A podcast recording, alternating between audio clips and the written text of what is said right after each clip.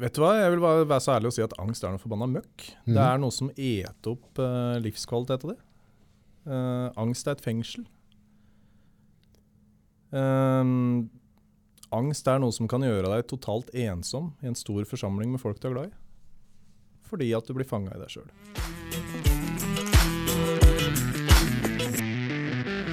Tre, to, én. Velkommen til Nordpodden. Tor Arne Viddal. God dag. God dag, god dag. Du har tatt uh, våga deg turen til, uh, til Nordpodden i dag. Det har jeg gjort. Ja. Og enda nærmere mikrofonen. vår. Enda nærmere Ja, ja. Åh, sånn. Vi begynte jo en samtale tidligere i høst, sommer Slutten av august. Slutten av august var det. Slutten av august. Ja. Ja, da satt jeg borti Elverum da, på noe som heter Friskstiftelsen og var klar for å skrives ut fra psykiatrisk innleggelse. Ja. Og så snakka vi litt sammen i forhold til å gjøre en pod om angst. Angst. Angst. Ja. Litt morsomt, for det, det tok jo fire måneder å ta den beslutninga. Ja, det ligger litt i korta med angst. Det gjør jo det. det gjør jo det. Altså, mange ganger tenkt det er på tide å skaffe en ny hobby enn angst. Altså. Men eh, ja, det tok fire måneder, men eh, nå kjører vi. Ordet angst, eh, det kan bety mye.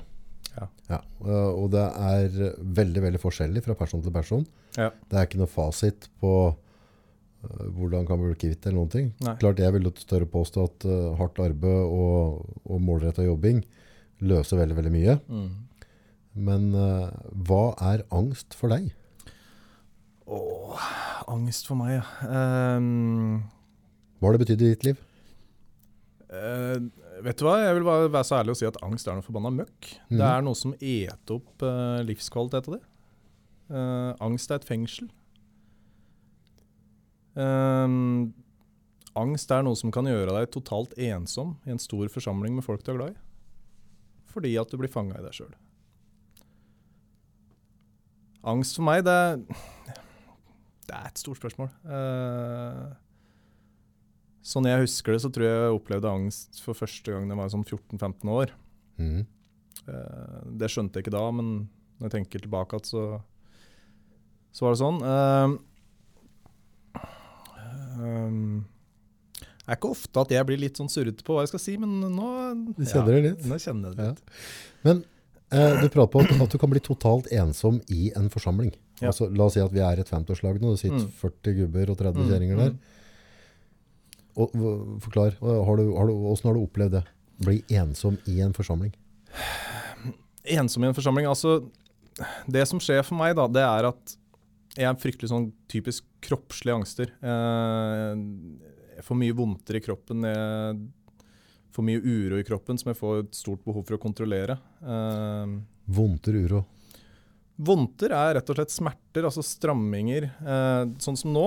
Ja, Jeg kjenner jo at jeg sitter jo ikke godt i stolen. nei, Jeg er ikke innafor noen komfortsone her. det er bra det. Uh, ja ja. Jeg må ta turen ut til den. Ja, Uh, påfølgende med det så gir det tanker.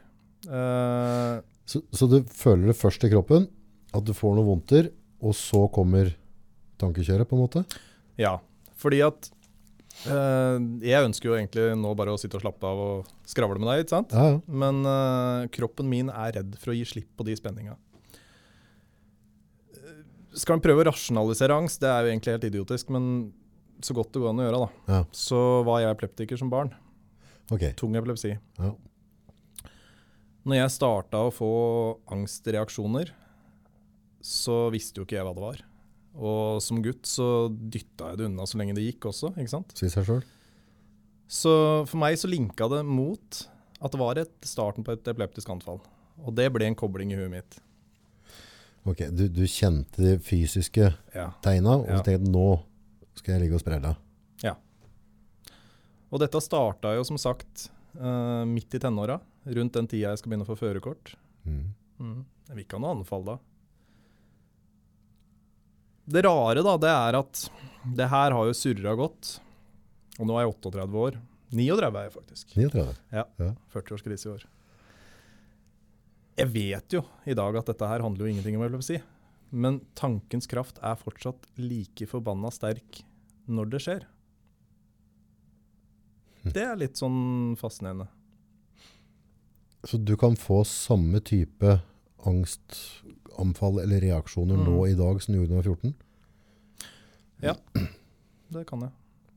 Altså, jeg sitter jo og kjenner på masse angst nå. Jeg kan jo ramse opp symptomer for deg som jeg kjenner på. Ja, hva kjenner du på nå? Nei, Tåkesyn. Å, du gå på syn òg? Ja, ja, ja. Masse. Loads. Ja. Tåkesyn kjenner jeg på. Jeg kjenner at jeg er ør. Ehm, jeg kjenner at jeg syns det er litt for varmt der. Jeg svetter. Ja. Ehm, ja, hva mer kjenner jeg på?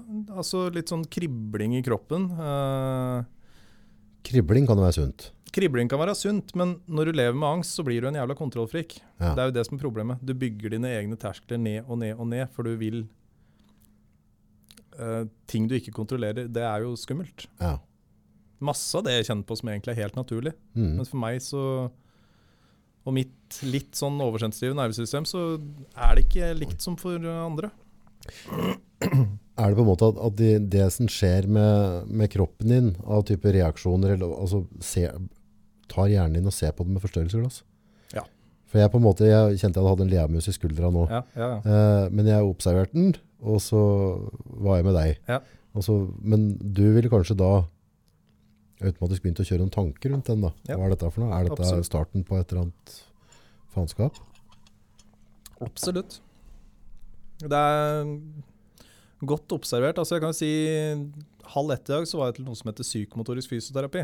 Ok, forklar og tegn. Ja, nei, jeg måtte si det til den i dag at uh, du må skjønne at i startgropa her så virker det vi driver med totalt idiotisk. Ja. Fordi uh, i dag har vært en ganske artig dag. Ehm, dette her betyr en del for meg også å være på den podkasten. Si noe om det. så så er jeg litt som perfeksjonist, så jeg prøvde å forberede meg litt mye. Ja, det er dårlig butikk. Det blir dårlig Ja, butikk, da og det blir mye stress. Da blir det stress. Og så blir ikke podcasten original. Nei, det gjør den heller ikke. Nei, jeg tror det er bedre at, eh, at eh, den podden du og jeg skaper nå i dag, Mm. det skaper vi underveis, Ja, og så kan det gå hvilken retning som helst. Jo, men den biten skjønner jeg òg. Men altså, du har jo dine automatiske reaksjonsmønstre. Bla, bla, bla, ikke sant? Mhm. Eh, det jeg gjør når jeg blir stressa, det er at da rydder jeg gjerne. Mhm. God kjerring å ha sånn sett. Flott. I dag så var jeg så stressa, så jeg klarte ikke å rydde. I dag var det faktisk behov for å rydde òg. Men uh, så jo, bla, bla, bla. Kom meg videre til han psykomotoriske fysioterapeuten. Og um, da var jeg ganske stressa. Mm. Uh, for meg da så går kjeften mer enn den gjør nå. Mm. Da går den fort. Du er høy. Jeg blir høy. Ja. Uh, fornuften skjønner, men kroppen liksom den Den lander jo ikke nedpå. Du har ikke beina på jorda, liksom. Og han begynner å snakke om Ja, vi kan jo vi kan vise. Så enkelt. Så da skal han ha meg til å begynne å rugge sånn. Aha. Rugge sånn på kroppen. La oss rugge. For der hadde vi vondter. Ja. Og etter hvert så gikk jeg til å Alle som har hørt om angst, vet jo at det er mye pusting inne i bildet. Ja. Ja. Avgjørende faktor. Ja. Så pusten min den gikk jo oppi her. Mhm. Etter hvert så begynte den å synke nedover. Ved å sitte og rugge slik. Du rugga pusten, det. Ja, ja. Ja. Jeg ville jo prate om alt jeg var stressa for. Ja. Nei, det skulle vi vite. Ja, og fortsatte med dette. Og så skulle jeg henge litt slik ut på sida, for det nå detter jo ned mikken. Det går fint. Um, altså det handler om å tape kontroll over de spenningene du har i kroppen din. Ja.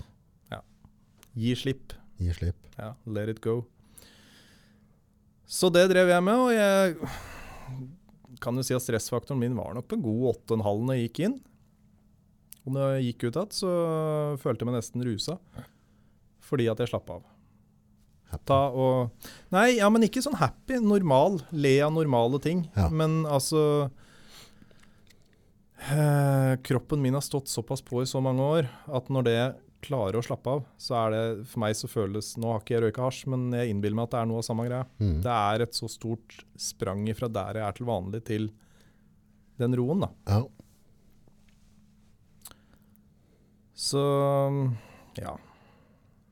Men mange år har du gått med angst nå? Nei, hvis vi sier at jeg starta som 14-15-åring, da. Så, Mm, og 39. Men problematisk angst ifra 22 års alder. Hva, hva har angsten lagt i begrensning på deg i, i livet ditt? Mye. Mye. Mye. Grunnen er, som jeg sier, problematisk angst fra jeg var 22 år. Og oppsøkte lege da jeg var 24, Mm. egentlig ganske desperat. Møter en lege, og jeg kaster alt på bordet, og han sier at du har en komplisert angstlidelse. Mhm. Og det høres vanskelig ut å behandle. Å, så positivt, da. Så det er enkelte ting må man lære seg å leve med her i livet. Ja, tilbake til jobb og holde ut. Det var ingen behandling å få. Så da venta jeg til jeg var 28 år. Og da kom jeg i gang med en gruppeterapi. Men på den tida så har jeg bygd meg så jævla mye overlevelsesstrategier sjøl. Og den største og den hardeste og den mest bedritne av dem, det heter unngåelse. Mm. Mm. Unngå alt som kan minne deg om å få angst. F.eks. som å sitte her. Ja, ja. Eh, jeg har jo en panikklidelse. Ja, her skal jeg sitte med deg i sikkert en time. Ikke ja, sant? vi kan få snuslappe her og drikke kaffe. Ikke sant? Det er ikke litt morsomt? Jo, nå er det moro. Jo. Men det har faen ikke vært moro før i dag. Nei, men du kjenner det nå. Det er litt ålreit. Ja, men ja. Eh, mestring. Ja. Mestring, mestring. Ja. Det er digg. Du kunne ha liksom gitt faen. Jo, men det Droppa gjør ikke. Det gjør ikke. Nei, men, altså, men nå, du, møter jo, du møter jo angsten din i døra. da. Ja, ja, ja. Og sier at jeg vet du er her, men eh, jeg tar ikke hensyn til det. Nei. Det er kult. Ja. Hvordan, eh, hvordan ligger du nå kontra tidligere? Altså, nå har du vært i noen behandlinger, og uh, nå kjenner ikke jeg deg som personlig godt gjennom Nei. flere år. Nei. Men det jeg på en måte senser, er at du har åpna et nytt kapittel i livet ditt, Mm. Og, og angriper det på en annen måte. Det er nok riktig òg. For min del så handler det om at jeg, jeg tror jeg har vært litt sånn enstøing på den veien. Altså Jeg har lært meg å leve et liv alene med angst. Ikke Mm. sant? Fordi at da har jeg større kontroll over situasjoner rundt meg. Alt jeg skal gjøre som er ubehagelig, det kan jeg på en måte fise litt fort igjennom. Mm. Fort jeg har med meg noen, da har ikke jeg full kontroll lenger. Da kan jeg ikke stikke akkurat når jeg vil. Så jo, jeg har nok gjort et kjempesprang siste året. Siste ett og et halvt året. Um, for nå prater jeg i hvert fall om ting Mm. ordentlig. Um, Får du da angst for at det har gått for fort? Nei. men uh, utfordringa for meg er ikke å skravle. Utfordringa for meg er å vise. Vise hva som skjer for meg når vi gjør noe så enkelt som å gå på Kiwien. Mm. Når vi stopper opp i kassa. Når jeg da kjennes da, Mm. jeg reagerer da. Hvor tidlig begynner det når du er handler? Altså når, når, når Det, begynner det, det, start, det starter før jeg begynner å handle, for det handler om ei forventningsgreie. Det er et mønster jeg har bygd meg. Har du gjort deg noen tanker på hvordan du skal stoppe det mønsteret, og hvordan du forandrer det? Altså, for det, er jo Jeg er så enkelt skrudd sammen, så jeg Mm. mener at det er en løsning på alt. Jo, jo. Alt er en løsning på. Ja. Eh, Det er bare handler om å snu hver enkelt sten, og, og, og som vi pratet på, altså, rutiner. Ja. Rutiner skaper også trygghet. Eh, ja, det er der og du, du og jeg er både enige, men også litt uenige. da. Mm. Uh, fordi at jeg kan ikke skaffe meg rutiner og kvalitetssikre hele den greia her. For Hvis vi går tilbake til den psykomotoriske fysioterapeuten, Mm. for å forklare enda bedre hvordan det henger sammen. Mm. Når jeg gikk inn da, så gikk jeg omtrent med så stive bein at ja, det så kopt ut. Altså, gå i en butikk da, åh, jeg har ikke fått med meg en dritt. Mm. Når jeg gikk ut igjen, så var jeg en helt annen kar. Mm. Det er jo ikke butikken jeg er redd for. Det er jo at jeg sliter med å regulere mitt eget stressnivå på sett og vis, da. Mm. Og at forventningene kommer. Altså Jeg tror ikke at jeg kan trene bort noe butikkangst på å gå i de butikka. Og det sier jeg ikke kun ut ifra egen erfaring, men også via psykologer jeg har snakka med. Mm. Um, når du har krølla mye med angst i mange år, så hodet og kroppen henger ikke så godt i hop, så det funker best når hodet og kroppen jobber sammen. Mm. Mm. Det er veldig avgjørende. Det er det, altså. Det er det. Og, så det jeg må jobbe med, tror jeg, det er rett og slett disse jævla vigle, teite viglegreiene som han Jo, jo. snakker om. Og, og det å eksponere meg for å miste maska sammen med folk. altså Det handler jo jævla mye om å miste maska. Ja, for det, det altså, I ung alder så er det en god del mer dramatisk enn kanskje nå når vi begynner å bli voksne. Ja, ja. Så nå, nå, nå er det ikke så fælt å, å si det, tenker jeg, som når du var type 20. 22. For da skal du være kul kråke og være en del av gutta. Jo, jo, jo, jo. Men jeg tenker for min del, det starta jo mye før der. Altså, vi snakker, altså angst er jo én ting, altså, men hvorfor får du angst? Jeg, for min del, altså Jeg har aldri vært den alfahannen som har vært kongen på haugen. Jeg har vært den følsomme typa som ja, ble fort lei seg og litt sånn skeptisk og sånne ting. Greia er at jeg dytta det bort, og alltid var han blide, flinke gutten. Altså prøvde å være det. Dytta hele tida bort følelsene mine. Ja. Ønska å bli noe annet enn jeg var. Og så etter hvert så blir det da stappfullt av drit inni deg. Mm. Og så begynner angsten å poppe opp. Men du er enda reddere for å vise maska, for at du ønsker Han ønsker jo å bli sett, men samtidig så er det det skumleste som kan skje. Mm. Henger du med? Ja, det gjør det. Altså, det. Det blir veldig sånn motsigende. Ja, ja, ja, det gjør jo det. Ja. Blir du sett, så får du faen meg angst av det. Og blir du ikke sett, så, igjen- så er du ensom, og så skaper det jo dårlig tankemønster. Da. Angst fins ikke rasjonelt. Nei. Men jeg er sånn veldig sånn fan av at, eh, at uh, hvis jeg har dårlige tanker, Mm. så er det på en måte mine tanker. Mm. Hvis jeg har et tankemønster, Mm. så er det mitt tankemønster. Ja, det er jeg helt enig i. Uh, og jeg, jeg, jeg personlig da, jobber veldig aktivt hver dag med å sette et riktig tankemønster. Det tankemønsteret jeg ønsker uh, at jeg skal ha for å kunne oppnå de tinga jeg ønsker å oppnå. Mm. For det er ikke sånn at uh, Veldig mange tenker liksom at uh, som jeg kjenner som Jan August er en sånn motherfucker med bare energi og bare durer på. Mm. Uansett. Bryr seg ikke om en dritt. Føler ikke en dritt. Han bare kjører på nådeløst. Mm. Eh, og det gjør jeg nok i en viss grad mange ganger. Men, men det er ikke noe som kommer gratis. Nei. Det er noe som må preppes daglig åt meg. Ja. For ellers så bukker jeg under. Mm. Og så, så, så møter jeg veggen. Og det er, det er veldig sånn kort fra himmel og helvete der. Så for min del så vet jeg at hvis jeg slusker med mine rutiner Mm. i 14 dager, Mm. så skjer det ting. Mm. Da får jeg tvangstanker.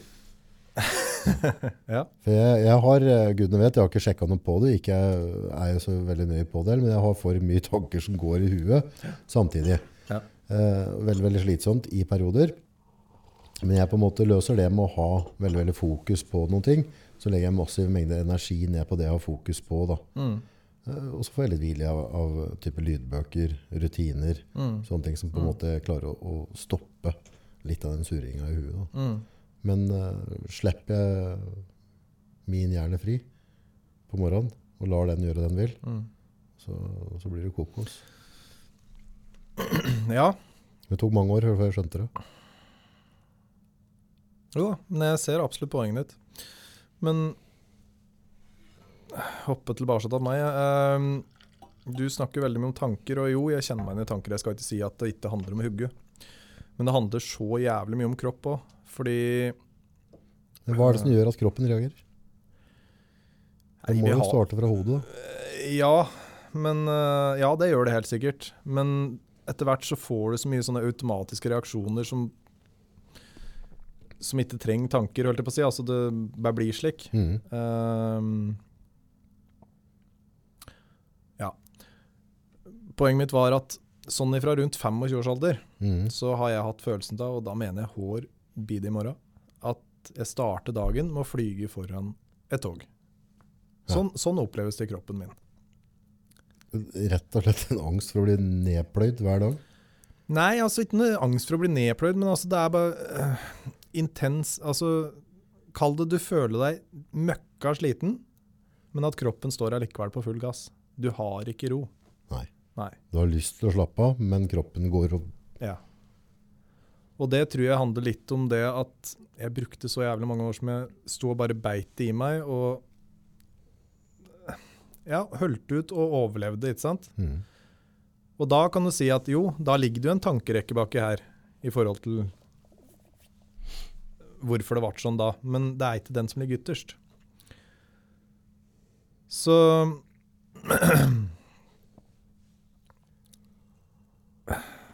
For min del så er det jo det å tørre å stoppe opp. Stoppe opp og se hva skjer. Mm. For det, det jeg er litt på ytre lag redd for, er jo at når jeg blir sånn stressa, at det føles ut som kroppen din skal daue når du slår av. Men Mm. han gjør jo ikke det. Han bare lader seg opp. Han lader seg opp. Og sånn som jeg erfarte i dag, så var det jo egentlig ganske behagelig. Det tok jo ca. 17 minutter før han skrudde seg på igjen. Mm. Men uh, det var 17 minutter av. Mm. Og Det har vært investeringa å sitte og ta kroppen og, og, og vagle. ja, ja. 17 minutter er bra. Kanskje 18 neste gang. Ja, han kroppen mener jo at jeg skal begynne med å ta hjemme. han da. Ja, så bra. Og det har han nok rett i, men der er risikoen større. Fordi at Eller risikoen er ikke større, men i huet mitt så er den det. På hvilken måte? Hva, hva Når jeg reiser hjem, så er jeg pappa. mm, Det er et ansvar. mm, For ungene mine så er jeg i hvert fall redd for å miste maska. Jeg mm. vil ikke at de skal se at pappa begynner å grine. Nei. Men uh, det er nok noe jeg må begynne å utsette meg for. Mm. At, uh, Men føler føler at, at den vaglinga kan gjøre at du begynner å grine lettere foran unga? Er det det du føler på? eller? ja, fordi at øh, når det du Det kommer som regel noen følelser på turen ned når kroppen begynner å roe seg. Ja. Knyte opp litt, så. Ja. Altså Spør deg sjøl. Når du er glad, August, Mm. kjenner du det i kroppen din, eller kjenner du det i hodet? Prøv å smile. Kjenn hva som skjer. Ja da. Det er veldig mye med positur, hvordan du går. og Ja. Er altfor dårlig på det, men jeg vet at jeg skal gjøre det. Jeg prøver å ha fokus på det. Mm. Hvor jeg beholder skuldra, åssen jeg holder haka, hvordan jeg går. Om jeg ruller på hæla. eller altså- altså- og det, det, det påvirker humøret mitt veldig veldig mye. Da. Mm. På måten på en måte jeg velger å, å, å bevege meg. Mm. Om jeg drar bena etter meg, eller om jeg på en måte er lett på, på sprang. Mm. Så kan det være påvirkende på, på energien i løpet av dagen. Det kan det. Poenget mitt var at fø følelsene våre som sitter i kroppen, Mm. vi lagrer dem i kroppen. Mm. Ikke at jeg har skjønt hele greia ennå, men, ja. Men igjen, da, kommer ikke fø altså følelser Alt kommer jo i utgangspunktet som et tankemønster. Og, og det som er en sånn kjempeutfordring, er jo ofte at vi legger til oss At vi på et eller annet vis kobler, tror jeg, nerver i hodet i feil retning. Noe som har gått av på en måte for at vi har gjort en ting på bestemt Vi har valgt å gå og knyte oss. mm. Vi har gått og skjult det. Mm. På en eller annen måte så uh, kobler vi kroppen så at det Mm. blir automatisk. Mm. Altså det gode gamle automatlege. legeme. Mm. Så det vil si at når du sklir en trapp, så hogger du tak i et eller annet Mm, mm, rekkverk uten mm. å tenke om det er automatlegeme. Ja. Eh, og det går òg an å trene opp automatlegeme. Mm.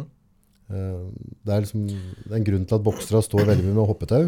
er for å trene det. Mm. Uh, stå på en måte og slå på sekk eller puter som det går i en transe. Mm. Til slutt så på en måte så kommer det et eller annet mot deg. Mm.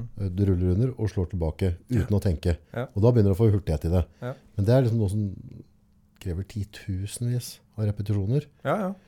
Men i en sånn angstdannelse så kan det ha blitt sånn at du har på en måte trent hjernen din Ja, ja. til at den, at den reagerer på den måten han gjør. Uten tvil. Uten tvil. Går det ikke an da å avtrene den? Uten tvil. Klart det gjør det. Hadde jeg ikke hatt trua på at det gikk, så hadde jeg i hvert fall ikke sittet her og pratet om angst. Hva, hva, hva tenker du i framtida, og hvordan skal du jobbe med det nå? For det er jo, som vi pratet på tidligere, at alt henger på oss. Ja. Altså, du kan jo få en klapp på skuldra, og jeg kan ha trua på det, og ja, og ja, men, men du, det er du som gjør arbeidet, liksom. Absolutt. Det er du som stelte her nå og tok heisen opp og kom inn. Ja. Det var ingen andre som gjorde det for deg. Nei, nei, nei. Så, så bare det er jo en seier i seg sjøl. Og altså, gudene vet hvor mange som kommer til å høre på det, men det er ganske mange tusen mennesker som hører det. Mm. Uh, og du, du skal ha litt baller for å stå fram sånn. Ja, jeg har baller. Ja. jo, nei ehm, Åssen um, jeg skal jobbe? Altså, greia mi handler nok mye om å tørre å begynne å kinne etter, i stedet for å på død og liv ikke skulle kinne etter. For det er det som er problemet. ikke sant? Som jeg prata til jeg, Når du sier 'kjenn etter', si når du får angsten, så kjenn opp på den jævla angsten. Ikke, ikke prøv å gjøre alt du kan for å rømme fra den. Er det ja, det du mener? Ja, ikke Ja. blokk det ute. For da, da skaper det det der mønsteret at som Ja, ja, for det bare forsterker. ja, knyter det seg i kroppen. Ikke sant? Ja. Um, Anna ting, eh, når jeg hoppa ut fra min psykiatriske sommerferie, så hoppa jeg rett ut i en arbeidstrening. Ja. Eh, jeg sto da per dag uten jobb og hadde en kompis som eh, Ronny, som uh, fiksa meg en arbeidspraksis. Det var gull. Eh, Der møter jeg masse utfordringer. Ikke at jeg ikke er brukbar på jobben, men jeg er kanskje av typer som blir litt fort for gira. ikke sant? Vil for mye, blir litt stressa. Mm. Så der har jeg også en greie med at kinn etter når jeg blir kje. Det er ikke så jævla kult for oss karer som skal orke å tåle alt. Gi deg før det smell. Ja. Ta, ta meg pause i stedet for å gå til knekk, liksom. Mm. Ja, det er ikke dumt. Ta seg pause og skravle litt for folk. Men det er ikke alltid så lett når det Når jeg har stått og spent meg opp, så har ikke jeg så jævlig mye behov for å prate lenger, for da har jeg egentlig vært så stressa i meg sjøl at eh, ja, Du kan prate til meg, men eh, du kunne sagt 'kyss meg i ræva', jeg hadde fått med akkurat det samme. Ja. Så det er noe med å begynne Det er noe med å ta utgangspunktet for det det er, og begynne å jobbe ut ifra det, i stedet for sånn jeg skulle ønske det var. Mm. Men igjen, da. Du har jo nå starta med en arbeidspraksis. Ja, Ja. absolutt. Ikke minst. Absolutt. Det, det er ganske bøst. Men det, det er jo som du sier, å finne den balansen når eh, Hvis en skal ha noe metafor noe, Hvis jeg skal forstå altså, Jeg kan på en måte presse på med ting. Mm. Og si folk hvis Nå må du roe deg ned, ellers møter du veggen snart. liksom. Mm. Altså, det blir mørkt en vakker dag i august. Mm. Og sier nei, jeg gjør ikke det. Uh, og grunnen til at jeg kan eh, kunne påstå det, er vel at jeg dytta det så langt så mange ganger før. Så jeg kjenner litt lusa på gangen. Mm. Jeg vet når jeg må skru av telefonen og, og rett og slett uh, bare se på TV-serier. Mm. Et døgn eller to. Ja. Koble ut. Ja. Fjerne meg. Ja, ja. Eh, og den føler jeg at jeg har fått kontroll på nå, kanskje bedre i et voksent liv enn jeg har hatt tidligere. Men det er jo igjen med å ta pause. Finne, når, når går vi av gassen? Ja. For ellers får, får du den storsmellen, så er jo på en måte ettermatta ganske mye mer dramatisk Absolutt. enn om du hadde gått av en liten time eller to eller en halv dag. Og det er jo ikke farlig å pus pushe seg sjøl hvis en bare lærer seg åssen en kan gjøre det. Ikke Ja. sant? Og når rir den seg. Ja, ikke sant? Og Det er kanskje litt komplisert nå da, når du skal drive og jobbe. Og du har lyst til å være med og bidra, og du har lyst til å yte, du har lyst til å produsere det samme som andre. Det er litt utfordrende når du har en kropp som i utgangspunktet ønsker å stå på 24-7. Ja, Fordi at det er jo nettopp det med å få til å hvile som er utfordring nummer én. mm. Uh, så i dag så har jeg faktisk uh, Ja, jeg har mestra noe i dag, for jeg reiste på Gjesnestranda og fyrte med bål. Oi, Hadde med meg matpakke og slik uh, etter fysioterapeuten før jeg skulle hit. kult. For jeg tenkte at Litt meditasjon. jo, men jeg er en skaukar. Jeg liker meg ute. Ja. Så da susa jeg og dusa alene, og det var, det var godt. Det er sånne ting eh, Det er nok Tida jeg ikke er på jobb, bør jeg nok være flinkere til å bruke på sånne ting. Kvalitetstid. Ja. Komme seg ut. Altså det, er, det er jo det som er litt sånn snedig men når ting er psykisk. Altså, jeg vet så jævlig godt mange ting jeg har fryktelig godt å gjøre. Mhm. Men du klarer ikke det når du er sjuk, vet du. Er, ja, du får ikke lov å kalle det sjuk. Nei, Jeg kaller det en tilstand, jeg. tilstand. Ja. Ja. Sjukelig Altså, jeg vil ikke kalle det sjuk, for det Jeg ser ikke slik på det. Nei. det jeg kan være med på at det er en lidelse, men ikke sjukdom. Kult. Nei. Da, dytter jeg, så, da føler jeg dytter så mye ansvar for det unna. Godt poeng. Ja. Ansvar må man ta. Ja, hvem andre skal gjøre det? Nei, det er ingen. Nei, men det, det er jævla snedig. Ehm, vet hva, han skal, hva som er godt for en, men så vanskelig å gjøre. Altså, det er liksom Du kan tenke deg et rådyr som kommer ut på veien. Mhm. Så kommer det en bil. Ja, lyset. Stirrer i lysa til det smell. Ja. Litt av samme greia her. Du, du blir litt sånn paralysert av Du vet hva du skal gjøre, men du skjønner ikke at du skal gjøre det. Skjønne at den skal gjøre det, men han, klarer liksom ikke å bry, Altså, det handler om å bryte mønsteret, Mm. Nå tenker jeg meg i hjel, eller nå sanser jeg meg i hjel i kroppen, nå stresser jeg meg Altså Som jeg har gjort før i dag, da, ved at jeg skal hit. ikke sant? Men et, altså det handler om, som jeg sa i stad, let it go. Altså gi slipp på det. Mm. Det er jo det som er så dritvanskelig. Det er jo det som er fasiten. Det er så dritvanskelig. Mm. Ja, alt, fasiten høres lett ut. Støtt. Ja, Det er det der, eh, men, men det er jo noe med å ha forståelse for det at eh, hvis du, du, du har en slags type fasit, eller i hvert fall et mønster du vet du bør følge for Mm. å kunne få en løsning på det. Og da være klar på det, at jeg, jeg, jeg klarer ikke å kjøre hele registeret med en gang. Mm. Hvis jeg klarer å kjøre litt av det, Mm. du nesten kom på den skauturen, Ja. neste gang så kommer det én med, Det blir litt som med trening, ikke sant? Mm. Altså, vi, vi må, det må gå bit for bit, og hvis du har fått deg en covering, eller du har slutta å trene en stund, Mm. så har du en oppbyggingsfase igjen. Ja. Og det blir jo kanskje sånn du får det. Si at du, Hvis du har hatt en periode som har vært bedre, øh, og, så, og så har du gått på en smell, Mm.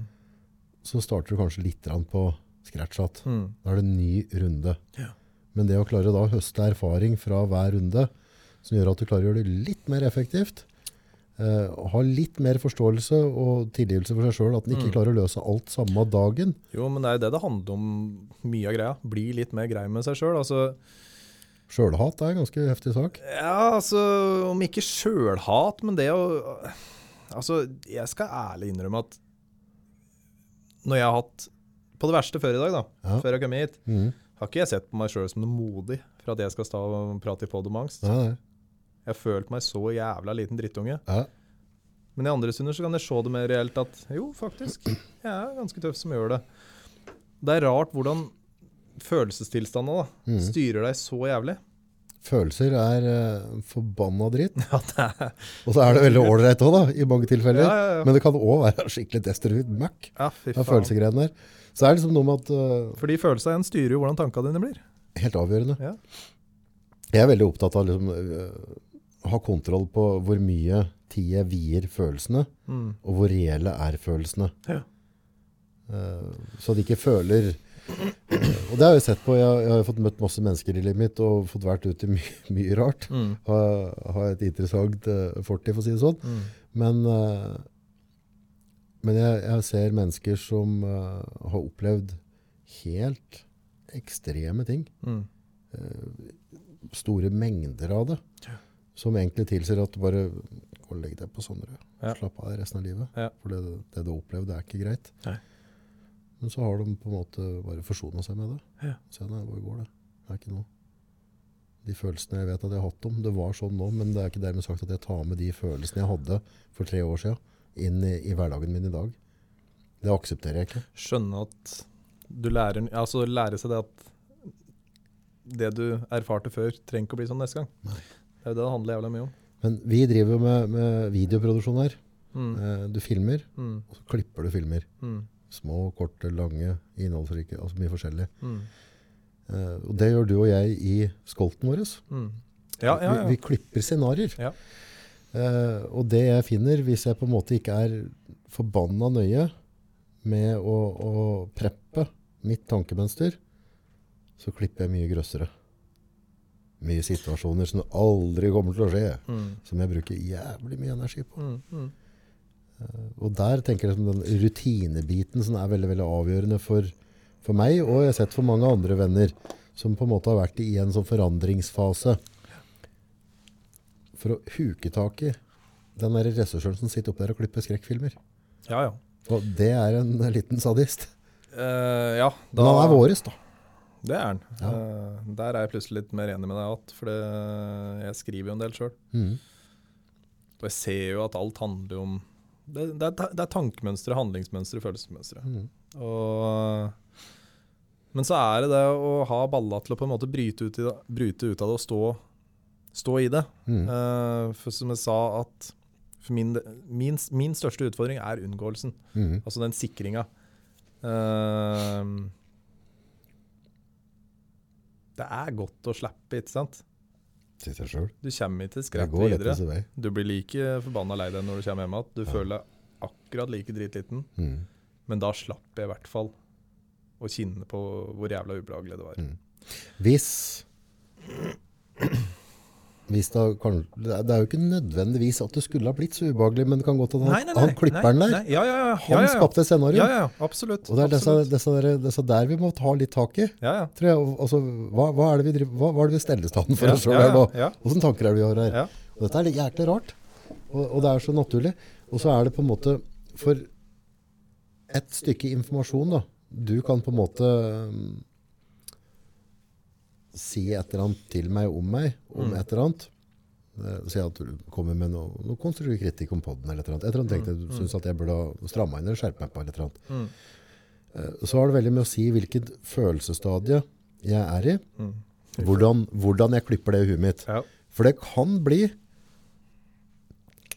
tusen takk. Mm. Dette vet jeg kommer til å gjøre at det genererer at jeg får bedre podder framover. Mm. Det gleder jeg meg til å ta tak i. Mm. Eller så jeg tenker liksom bare ah, Hva jævla hatteren der, da. Mm. Han bare ute og knekker meg. Fy fader. Sparker ræva når du går ut. så går jeg og kikker litt i speilet etterpå og tenker fy faen, du er bra stygg og dum, August. Åssen kan du være så teit og sitte og prate i den mikrofonen? Så er de tankene i gang. Ja. For, for den ligger i oss alle, tror jeg. Men Ja, ja. Noen, noen ligger den litt mer tilgjengelig, da. Ja. Og da begynner det å bli et kraftig problem. Mm. Så, så den der klippinga i huet vårt, Mm. hvorfor driver vi med det? Mm. Nei, det kan du si. Eh, Hvorfor ordnet skaperen at det ble sånn? Jeg tenkte på en ting når du begynte å prate om dette der, og det er fellestrekk når vi snakker om psykisk helse, så snakker vi om den skammen. Ikke Skam. sant? Ja. Veldig mange er opptatt av at det er skam ute i forhold til det å slite psykisk, og det tror jeg ingenting på. Jeg tror fryktelig mye av den skammen den ligger i egen mage. Mm. Uh, og jeg må være så ærlig å kjenne på at det er jo det som er mye som stopper meg. Altså at Hvordan jeg tenker at andre reagerer rundt meg, Mm. at det jeg sliter med så enkle ting, ikke sant? Mm. som gjør at jeg blir dritfrustrert. Mm. Og så ender jeg opp med å egentlig bare bli forbanna på meg sjøl. Mm.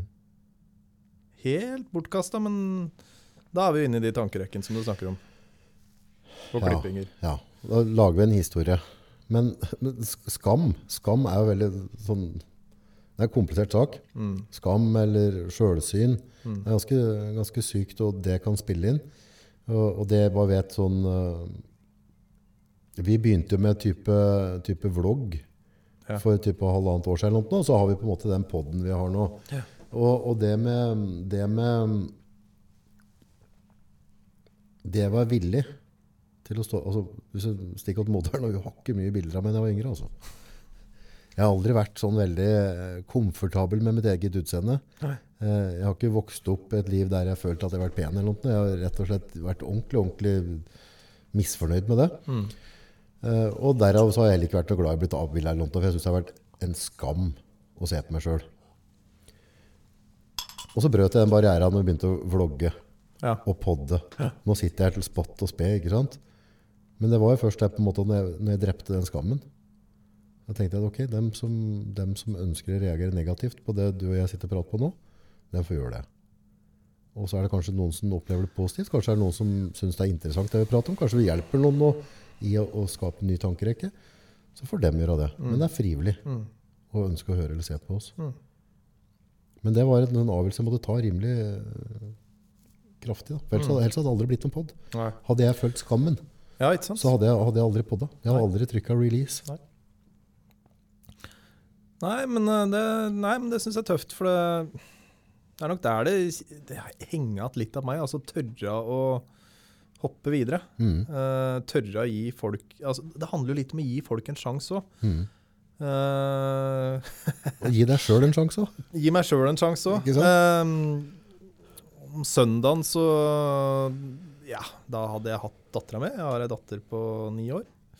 Og så har jeg stedatter på åtte og et halvt. Mm. Når jeg er skikkelig kjei, så er ikke Jeg elsker dem over alt på hele jord, men Mm. det er eh, I helga tror jeg var til stede med kroppen min der, men that's Mental. it. Hva, Så hva surra i huet ditt da? det som surrer mye i huet, er jo at hvordan, hvordan skal jeg komme meg videre? Ja. Det er det som surrer mest i huet mitt. ja. Men spør meg heller hva kjente i kroppen. Mm. Jeg var konstant kvalm gjennom hele helga, Altså, helt sånn Mm. Jeg ba jo deg dempe lyset, da. Mm. før vi starta her nå. Mm. Altså, jeg er sjukt lyssensitiv, jeg er sjukt lydsensitiv. Med to crazy jenter i 8-9-årsalderen, og de skal ikke dempes til at pappa har angst. Nei. Nei. Så noen ganger så blir det for mye. Uh, så når jeg kjørte hun hjem til sin mor på søndag, så tror jeg det gikk Altså, jeg tror ikke vi merka noen ting, for jeg er ganske god på å kamuflere. Ja. Men det gikk nok ca. Ja, 15 sekunder fra jeg hadde satt meg i bilen og begynt å kjøre, til tåren bare sprutet totalt ukontrollert. Sånn totalt så bare Ja. Buhu og bare tårer bare Ja. Så gikk nok ca. 90 sekunder til, så veiva jeg ned ruta og spydde som en gris. Ja. Mange ganger. Sånn sto det på i to timer. Da fikk kroppen min roa seg. Denne gutten her som sitter når, når jeg kjører bil, så er jeg livredd for å Da må jeg slappe av i kroppen min. Eller livredd for å svime av, for det er jo ikke noe særlig når du kjører bil. Nei, nei, nei.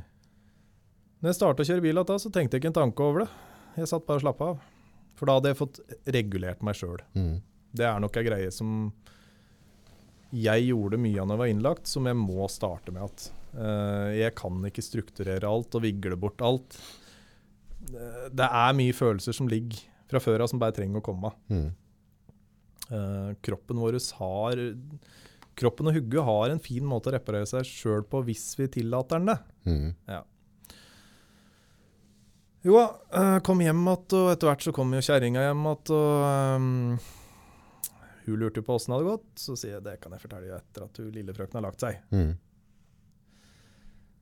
Jo, og forteller hvordan det skjer, og da starter jo tutinga igjen, da. Mhm.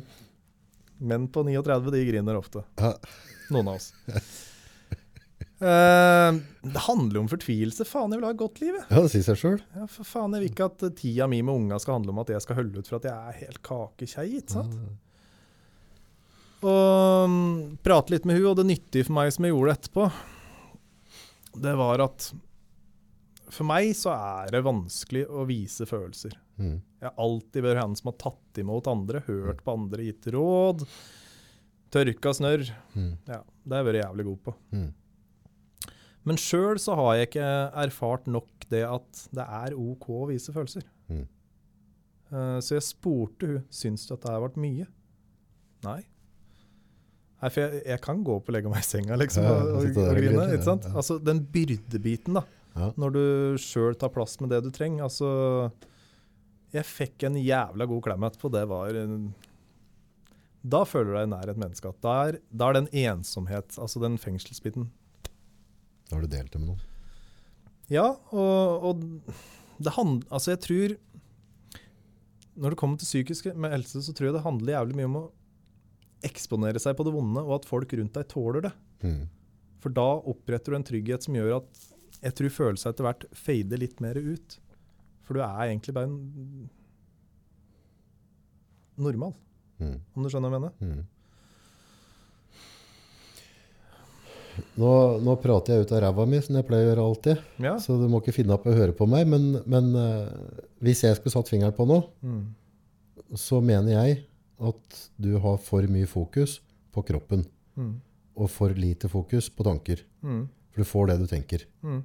Det er en universell lov. Ja. Ehm, så jeg vet ikke om, om, eh, om du kan føle en slags trygghet ved at altså, hvis det begynner å bli trådt i skolten og tanker, og så får du en fysisk reaksjon, Mm. så kan du forholde deg til det på en helt annen måte enn at ting går ut av spinn i hodet.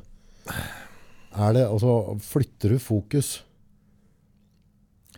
Eh, Jeg vet det, når jeg var yngre og hadde det mye vondt i huet, Ja. så var jeg jævlig god på å plage meg sjøl. Det var den beste releasen. Altså for fysiske smerter. Ordentlig til det ekstreme. Det var en lettelse for meg. For da fikk jeg fokus på de smertene, på den kvalmen, eller på den, det, det som var i fysisk i kroppen. Mm. De spenningene i kroppen. Så kunne jeg tenke på det. Og så slapp jeg å tenke så mye på de tankene. Altså, jeg veit jo at jeg dytter bort tanker, men samtidig så vil jeg si nei, August. Um, mm, altså, jeg kan jo ikke altså, Jeg kan ikke si verken ja eller nei. Det vet jeg ja, For jeg vet ikke. Nei. Men uh, hoppe tilbake til uh, de tre intensive månedene da, som Mm. jeg lå innlagt, Mm. med en jævlig dyktig psykolog. Um, det er fryktelig mange som har kakla til meg som behandlere. Mm. Uh, og de har fortalt meg hvor kontroll jeg har og sånne ting. Mm. Kom til en som viste meg det. Mm. Eh, jeg har et lite filmklipp jeg kan vise deg fra en setting etter at vi er ferdig med poden. Mm. Og han sier at uh, han, at jeg har en form for kroppsfobi. Uh, når han kjørte ræva ut av meg, så panikkanfallet Jeg hadde et panikkanfall som varte i 40 minutter, tror jeg. Åssen ser et panikkanfall ut for deg? Nei, jeg så det jo ikke, da, for jeg satt jo med øya igjen. Men det som var så jævla sjukt for meg, det var at ehm, Jeg satt med arma sånn. Altså, greia var lukke øva, og så slappe alt i kroppen. Fordi at når du har hatt jævla mye angst, så er du, du er fryktelig god til å spenne imot. Ikke sant? Ja. Så jeg skulle slippe alle spenninger, og jeg skulle fortelle han og jeg opplevde. Og etter verst så fikk jo da altså angsten begynne å ri, rive. Kjenner den i forskjellige områder i kroppen. Mm. Um, og så begynner han plutselig å slippe opp litt. Uh, jeg husker så jævlig godt en gang når han, han kjørte møkkatur med meg, men han fikk lov òg. Mm. Så spurte han meg en gang hva er det verste som kan skje, sin. Da bare sto jeg oppreist uten å skulle gjøre noe. Og jeg fikk så angst så jeg ville sitte. Så sier han nei, du skal ikke sitte. Hva er det verste som kan skje? At du må spille så jævla dumme spørsmål, din forbanna kukk, sa jeg til ham. Mm. Der hadde du tona. Mm. Og Jo, satt der. Skulle følge de spenninga, forklare hva jeg kjente. Så plutselig så begynte jeg å hyperventilere noe så inn i helsike. Men samtidig så var jeg jævla til stede. Men så Armen min den kom til seg sjøl, altså opp slik, Mhm. uten at jeg hadde styring over det. Eh, Jeg tror kun det var venstrearmen. Pusta du dårlig da? Så lite oksygen? Nei, jeg Ja, okay, noe voldsomt. ikke ja, Ja. Det kan også være en fysisk reaksjon at du trekker opp armen. Ja, nei. Uh, det, for meg så var det noe utafor min kontroll, da. Mm. Uh, jo, og så etter hvert så jeg, Det var så intenst, så jeg husker ikke så jævla mye detaljer der. Men dette går da etter hvert over og roer seg ned. Vi skal begynne å avslutte, og det jeg oppdager da, er at jeg kjenner ikke en drit ifra hofta ned. Helt fødseløs. Jeg klarer ikke å flytte beina mine, og jeg blir dritredd. Da-. Jeg har aldri vært så redd i det opplegget. Altså, Og jeg stelte seg nå, liksom. Jo, men altså, da er vi tilbake til epilepsien. Jeg har opplevd som uh, Jeg tror jeg var ti år. Da var jeg lam i tre kvarter. Hele venstre eh, halvdel.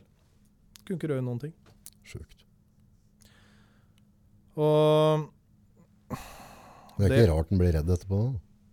Nei, og det som er eh, Du dytter hele tida inn på tanker. Jeg dytter tilbake til kropp. De snakker om kroppen som husker, og kroppen som, altså kroppslige traumer. Mm. Eh, for en gutt da, som på en måte prøver å glatte litt over at han, er ikke så bekymra over altså, anfallet. Det, det er ikke så skummelt, men jeg tenkte jo mer på det enn jeg sa noe om. ikke sant? Og samtidig med at når du har et sånt anfall, så er det så intenst at det er ikke sikkert du behandler det ferdig i hugget. Mm. Og da setter seg hissen og pissen. Så han sa at for meg så virker det som du utvikla rett og slett en, en kroppsfobi. Fordi at jeg, som du sa i stad, jeg overvåker kroppen min noe voldsomt. Jeg har stålkontroll på alt som skjer inni der, og får med meg alle de små detaljer og forandringer. Og, og det mente han at kunne plasseres til epilepsi som barn. Mm. Men selvfølgelig, det er summa summarum hele dritten. Det er både tanker og det er kropp. Mm. Men det jeg har opplevd når jeg snakker med veldig mange andre om, om angst, det er jo, som jeg skryter av, en moderne kar som går i noe som heter angstringen. Mm. Det eneste vi gjør der, er jo å dele, ta egne opplevelser. Digger det. erfaringer. Eh, ja. Uh, finne at du, ut at du ikke er den eneste, og diverse sånne ting. Men samtidig så opplever jeg at jeg er veldig annerledes. På mange områder. Mm. Fordi at jeg er så jævlig kroppslig. Mange snakker så mye om tanker. Mm. Og jeg òg har tanker, Mm. for all del. Og jeg har huekjør, for Mm. all del. Men det er så Altså Jeg har sittet som huet er helt tomt. Mm. Jeg har en god følelse i magen, men kroppen står like forbanna på, og det gjør like forbanna vondt. Så jeg tror det handler om et nervesystem som har stått jævla på i lang tid, og jeg har brukt aktivitet for å distansere meg. Mm.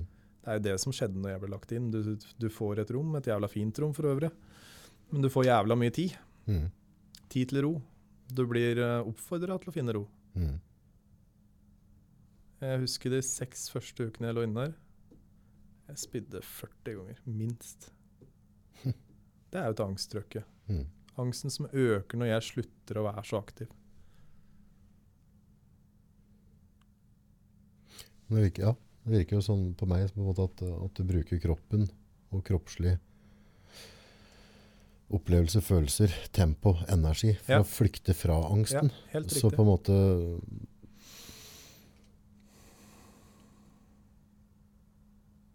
Det er det å finne den nøkkelen der, da. Hvor, eh, hvor, jo, hvor men da er vi tilbake til den der viglinga på ryggen, da.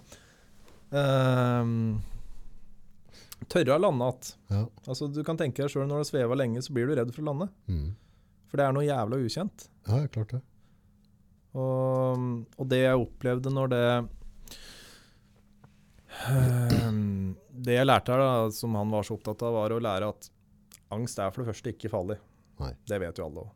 Men eh, når du opplever angst, kjører på, så går du opp til et visst nivå.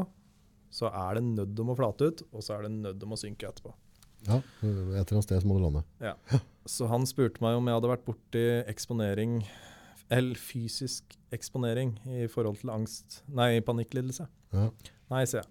Nei, men det er bra. Da skriver du på liste over de fysiske triggera du vet du reagerer på. Mm. Pust er jo nummer én, så vi hyperventilerte da tre ganger to minutter Ja. etter hverandre. Det var helt jævlig. Men da fikk han meg så høyt at han fikk meg over toppen, så jeg flata ut igjen og sank. Ikke Ja. Greia var at kroppen skrudde seg så fort på igjen, fordi at den er så vant til å være oppe der. Mm. Så, så ja, jeg trenger nok å trene opp kroppen min på å tåle å være nede. Mm. Det vet jeg jo på, på psykiatriske avdelinger, og sånt, så, og det er jo noe som begynte i USA, så har du sånn type kuledyner. Ja. Folk som får angstanfall, så legger du på så de veier noen kilo, og så Ja. trykker du på en måte at, at det trigger kroppen på en måte. Da. At det kan òg være med på å roe ned den indre følelsen. Ja. Det, Det har jeg vært med og, og brukt sammen med, med, med pasienter. ja, ja. Og det ganske sånn dramatisk effekt på en måte, det med på en måte at de føler seg litt sånn innpakka. Og få, Mm. få trykt litt på. Mm.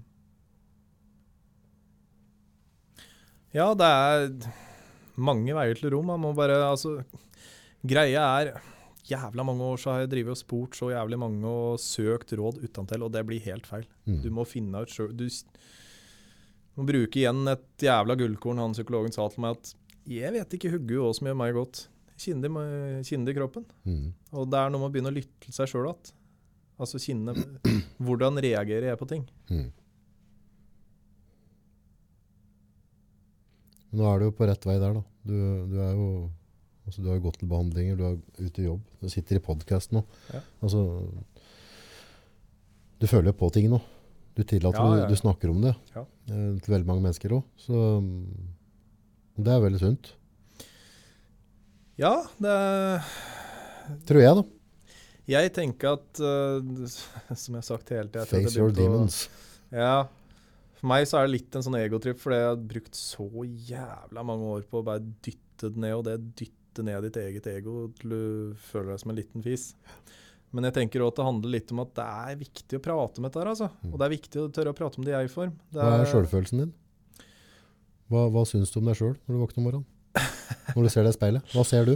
Hva ser jeg? Ja? Eh, nei, men altså, da er jeg mest opptatt av stresset mitt. Uh, Så du ser stress, på en måte? Ja. Jeg ser, ja, jeg ser stress. Altså, Sjølfølelsen min kan være så liten at jeg ikke kan skjønne at noen er glad i meg. Mm. Men samtidig, når det er mer rasjonell i huet, så ville Ine hatt en bestekompis som meg sjøl. Mhm. Så det, er, det kommer an på hvor jeg er hen i meg sjøl. Ja. Men igjen så viser det hvor utrolig mongolide disse følelsene kan være. da. Men du har muligheten til å føle deg bra. Det har jeg. Så det er bare å få til mer av det, og mindre av det andre. Ja, for altså, når stress er borte, Ja. så vet jeg jo at jeg er en, en bra fyr. Mm. Har det vært noen ting du eh, merker du har liksom eh, trigga på i positiv retning når du har stresset? Altså har, du, har, du funnet, har, du, har du noen rutiner for når du begynner å kjenne? Hva pleier du å gjøre? Det er det som er problemet. da. Jeg flyr alt jeg kan. Ja, ok. Ja. Ja, så, så du har ikke på en måte en, Det er det jeg trener på nå. Å Mm. prøve, som jeg sa Eksempel på jobb, ikke sant. Mm. Uh, kjenne etter OK, det er teit å reagere på at jeg blir varm, og jeg kjenner at jeg får angst av det, men nå må jeg faktisk stoppe opp litt, jeg, for det Mm. blir for mye for kroppen min. Mm. Sjøl om de åtte andre fortsetter, og det ergrer egoet mitt når jævlig at ikke jeg kan helst ligge to hakk foran dem. Mm. Det er jo knakende interessant, for det Når du har angst, da Mm. Når jeg ser på deg nå, da, så ser du helt vanlig, normal gubbe ut. Mm. Jeg ser ikke at du Jeg er. Har- Jeg er ikke så gammel er jeg ikke. Å, gud, nå blir du 39 da. Nå har skjedd ting, altså. Men, men eh, jeg kan ikke se angstlidelsen din Nei. ved å se på deg. Nei. Eh, og da, da må jo det òg gjøre litt med sjølbildet, hvis du da på en måte må backe ned for at nå, nå klarer du ikke mer.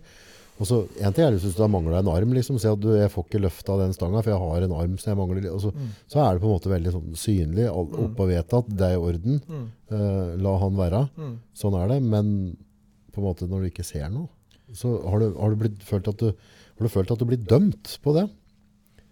At du har blitt misforstått, eller føler du på det på en måte at Nei, hvis men du grei, må gå greia, at, greia er at jeg har ikke sjøl turt å sette de grensene som er riktige for meg sjøl. Uh, kall det en uh, litt sånn ja, valgt offerrolle, mm, Uh, og det er jo der jeg må tørre å bli tøff.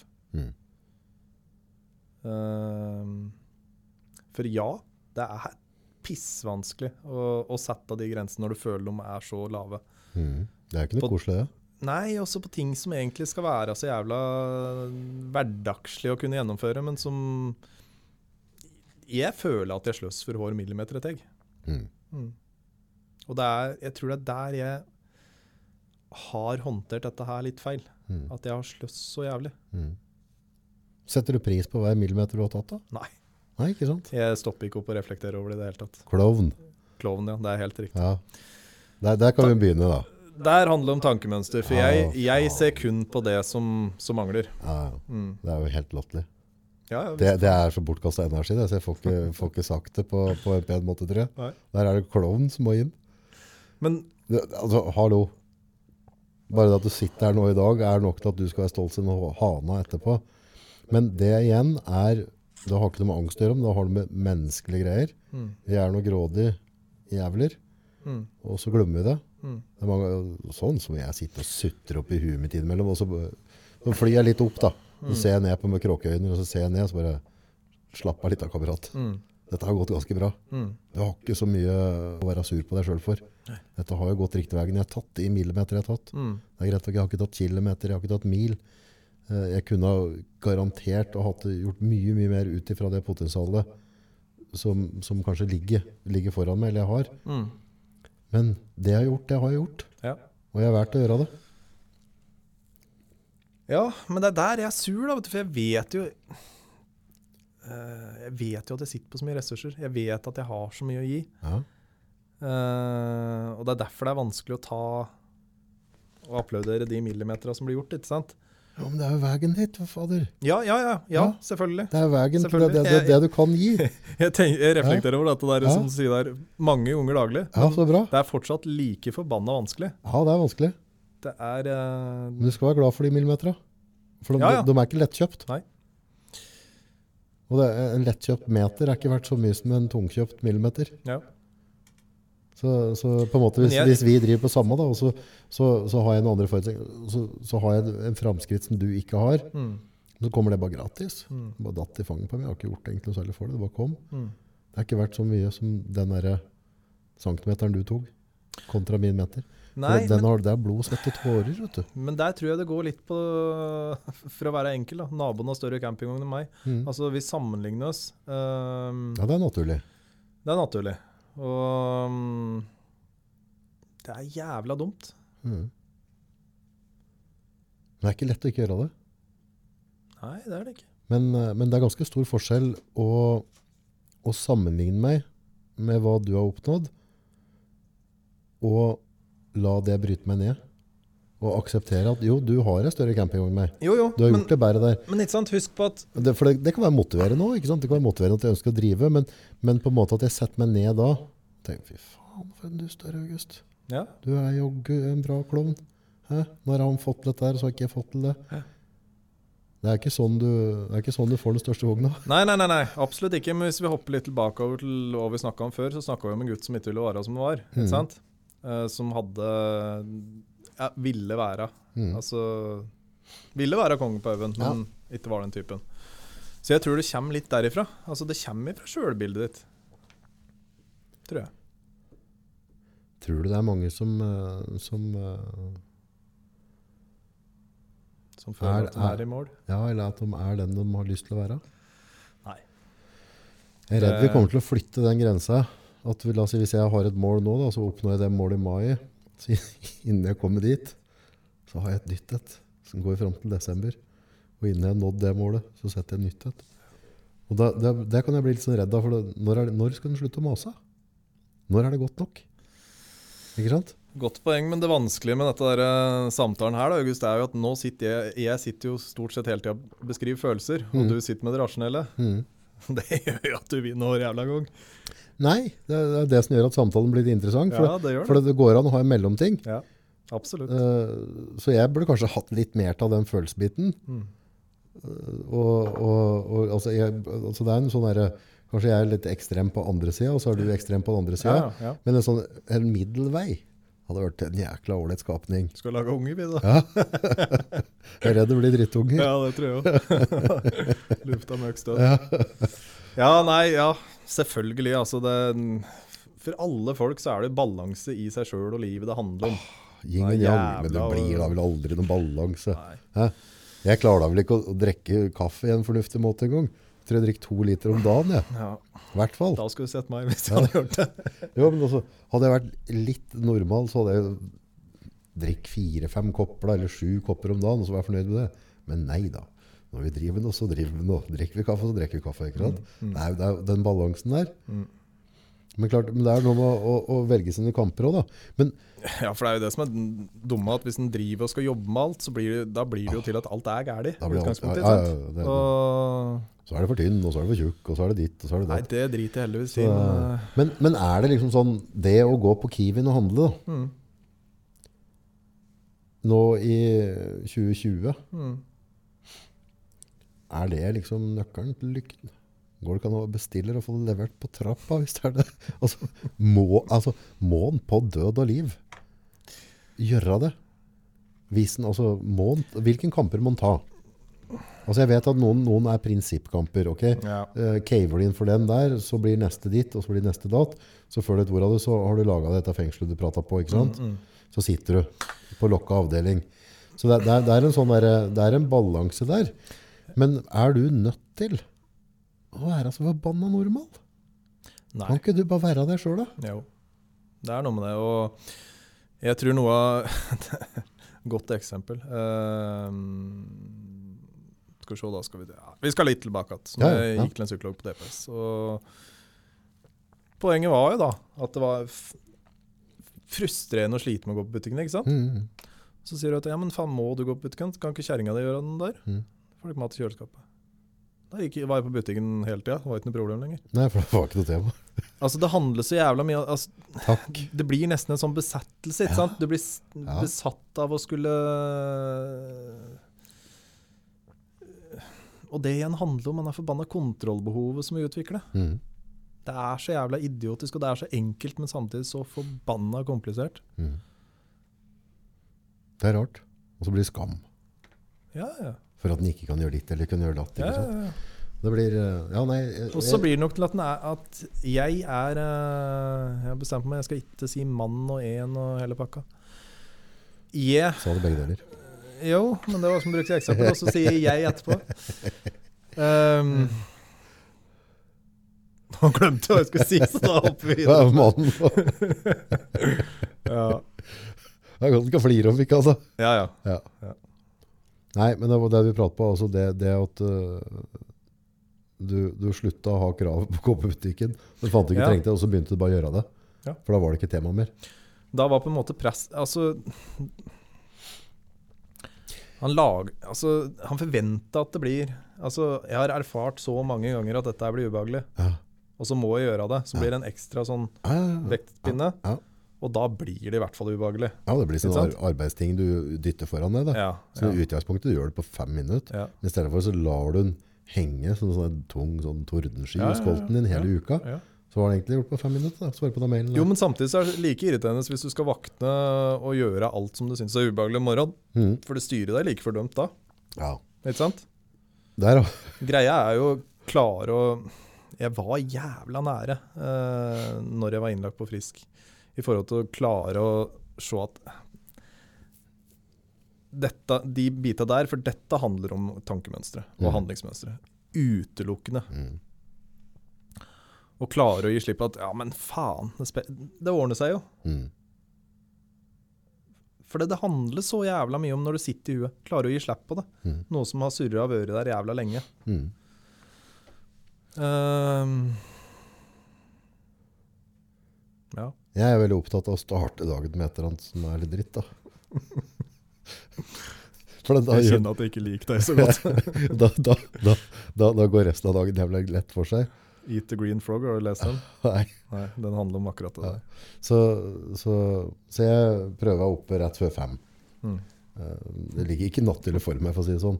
Største skuffelsen jeg har, og, og fordervelsen, er at og det er jo på en måte ingen som kontrollerer, men det er, ikke noe, det er jo ikke skrevet noe sånn at jeg, må, at jeg må være her kvart over fem eller et eller annet. Nei. Men det er blitt sånn prinsippsak hos meg. Mm. For, for jeg vet at jeg ikke vil det, og så da skal jeg pokker meg gjøre det. Mm. Men, eh, men eh, det blir en veldig sånn nedtur da, hvis jeg ligger og drar meg til halv seks-seks. For da føler jeg at jeg virkelig feiler i prinsippene mine. Mm. Men du er jo godt der når jeg banker den opp, da. At jeg er der. Altså, jeg Hvorfor er det så viktig å komme opp klokka fem? da? Eh, nummer én så har du to timer, i hvert fall to timer, som jeg kan ha for meg sjøl, med rutinene mine, gå over dagen, få kontroll på livet mitt, Ja. som gjør at jeg får en bedre dag, Ja. en bedre planlagt dag. Ja. Og så får jeg litt sånn alenetid. Jeg er veldig glad i lydbøker. Ja. Masse sånn glupe folk som har skrevet ting på utviklerskolten osv. Ja, videre ja. Eh, og det syns jeg er veldig vanskelig å få fatt i senere på dagen, når jeg har fått mer inntrykk av Mm. alt som skjer. da. Mm. Eh, sånn som nå, etter vi har prata nå, så har du gitt meg masse inntrykk. Mm. eh, og det må bearbeides. Mm. Eh, og da, da er jeg ikke så påskrudd på de bøkene jeg ønsker å ha. Og så er det det at jeg på en måte har ikke lyst til å stå opp da. Og så tenker jeg at den følelsen der, på hva jeg har lyst til eller ikke lyst til Mm. Jeg har satt en plan, jeg har en kjørerute på hva jeg skal Mm. gjøre de neste åra. Mm. Den der ikke har lyst til-greia, den, den er ikke med i planen min. Jeg tar ikke hensyn til den. Nei. Og så gjør jeg det, Mm. og så føler jeg meg som en million dollar når jeg gjør det. Mm. Jeg kjenner jeg får litt dårlig samvittighet når det du forteller nå. Mm. For det Jeg kan jo tenke de dagene som jeg har fri, da, som jeg ikke er på jobb. Mm. Eh, jeg vet at mat er viktig for meg. Oh ja. Ja. For alle. For alle. Ja. For alle. Det er det er mental Men- helse mat, altså. Men for en person som sanser ekstremt mye i kroppen, så kan su å være sulten ho, ho, ho. Og- Det kan utløse mye faenskap. det. Ja. Så Altså, jeg ser altså, Så enkelt som hadde, jeg spist litt frokost og dratt meg ut og gått en tur. For en start. Og jeg tror det var siden Jesus drev på, ja. Romerasgjengen. Mm. Så fant de ut at dette var jævlig glupt. Mm, Ja, ja. ja, ja, ja. Det, det, er, det er ikke noe breaking Det er ikke noe, det er ikke, er noe nytt jeg fant på nå. Det, har, altså, det har, altså, det oppe av, det, det har så mye å si Mm. å få den. Og så er det liksom eh, stille litt krav til deg på kvelden. For da må jeg, da må jeg gjøre en prioriteringsrekke på kvelden. Når skal, jeg kan ikke legge meg ett hvis jeg skal stå opp fem. Nei, Nei, da brenner vi lys i begge ender, så det nytter ikke. Skulle jeg stige opp fem, så måtte jeg lagt meg klokka sju. Ja, jeg prøver å være i seng mellom ni og ti, hvis Ja. jeg har mulig. Ja. Jeg syns det er veldig fint. Men, eh, men det, er, det er noe jeg har trent på meg. Nå syns jeg det er veldig veldig stas. Så klart jeg har perioder der jeg ikke er så fresh på morgenen. Mm. At jeg, spesielt nå på vinteren, når vi er på det mørkeste, så kjenner jeg det litt. ikke sant? Mm, mm. Jeg blir tammere og tammere. Prøver å ta D-vitaminer og sånne ting. Men, eh, men jeg er litt opptatt av å, å, å straffe meg sjøl på, på de derre De dårefølelsene. De derre mm, 'Jeg vet ikke helt om det passer meg i dag.' Den gidder jeg ikke ha noe å gjøre. Så nå har jeg blitt litt sånn rund igjen, så nå er jeg på diett. Eh, og måten, altså, Da tar jeg det som en ketosediett. Det syns jeg er en enkel greie. Kjøtt og fett. That's it. Eh, og da har jeg bare løst det nå, for at jeg merka at jeg var så jækla sutrete rundt den dietten. Jeg syntes så synd på meg sjøl. Det var så mye mangla som smakte. Faen, er det noe vits å være så jålete? Så da Nei, men jeg skal ikke bli Det er noe med å holde det i hvert fall på et sånn normalt nivå, da, så jeg ikke blir dårlig ut av det. Ja. Så da, da tok jeg den uh, sjefsredaktørrollen, og så er det tunfisk og makrell i tomat på meg de neste tre ukene. Inntil jeg velger å holde kjeften min om å sutre. Så nå begynner faktisk makrell i tomat med majones å smake rimelig digg. Så gjør jeg det. Og så kan jeg heller legge på litt. Skal jeg ta meg litt sånn der eh, snask. da, Legge på en brokkoli eller et eller annet på sikt. Men per- ja. ja, men da blir brokkoli det blir et festmåltid etter tre uker på tunfisk. Ja. Klart det er jo litt lite varierende greier. Men det er sånn jeg må gjøre det. For, for uh, ellers, så, ellers respekterer jeg ikke avgjørelsene sjøl. Innimellom må jeg sette meg litt på plass. Hører du sier det at du har lyst på noe godt. Se her, kamerat. Atter en boks med tunfisk. Kos deg med den. Til slutt så blir den tunfisken god.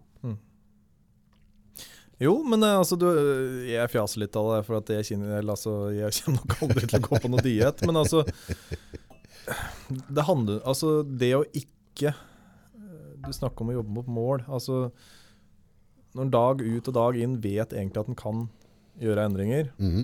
og så dropper du å gjøre det Det handler om sjølrespekten etter hvert. Du knekker den helt ned i null. Ikke sant? Selvfølgelig gjør du det. Så slutter du å respektere deg sjøl, og da er det trøbbel. Selvfølgelig gjør du det. Du vet jo sikkert han Arnold Schwarzenegger er.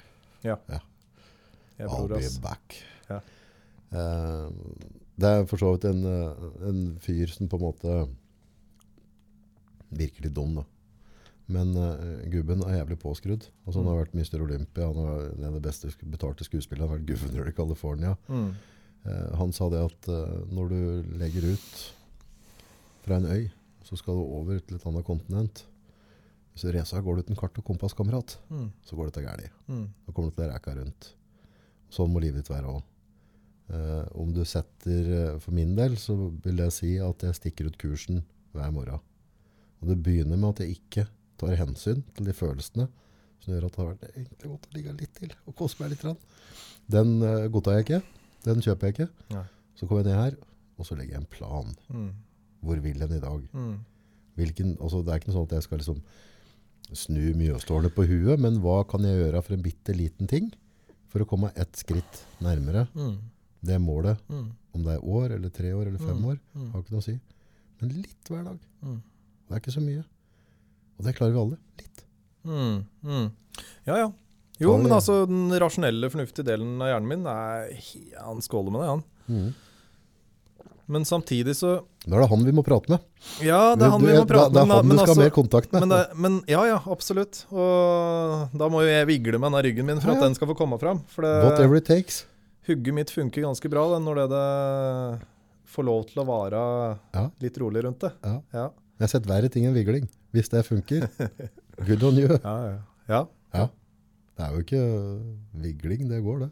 Jeg kjøper den. ja, ja. Funker den, så funker den. Men altså, det som er så jævla utfordrende fra når den øhm, står i en posisjon, er at ting som tar litt tid for å nå målet åh, Mm. Det er så lett å bare drite i det. Derav, Altså, der, planen. Skriv det ned. ja, ja, Så hvis du sier frokost, gå tur. Det hadde vært en høydare. ja. Sånn for kro kropp og sjel. Mm. Eh, la oss si, jeg vet ikke når du pleier å stå opp om morgenen, jeg er helgen. Eller til normalt. Helgen Eller, ja, eller hva er normal øh, En dag du ikke skal på arbeid, da. Nitida, tenker jeg. Nitida. Ja, ja, det kommer helt Stort sett så kjøres stedatteren min på skolen, så da er det halv åtte. Men øh, Ja. ja. Ja, hvis du sier at det er halv åtte er normaldag, da, Ja. eh, så kan vi liksom si at uh, Gi meg 20 over 7, da, kamerat. Og så, og så begynner vi med de ti minutta. Ti minutter før.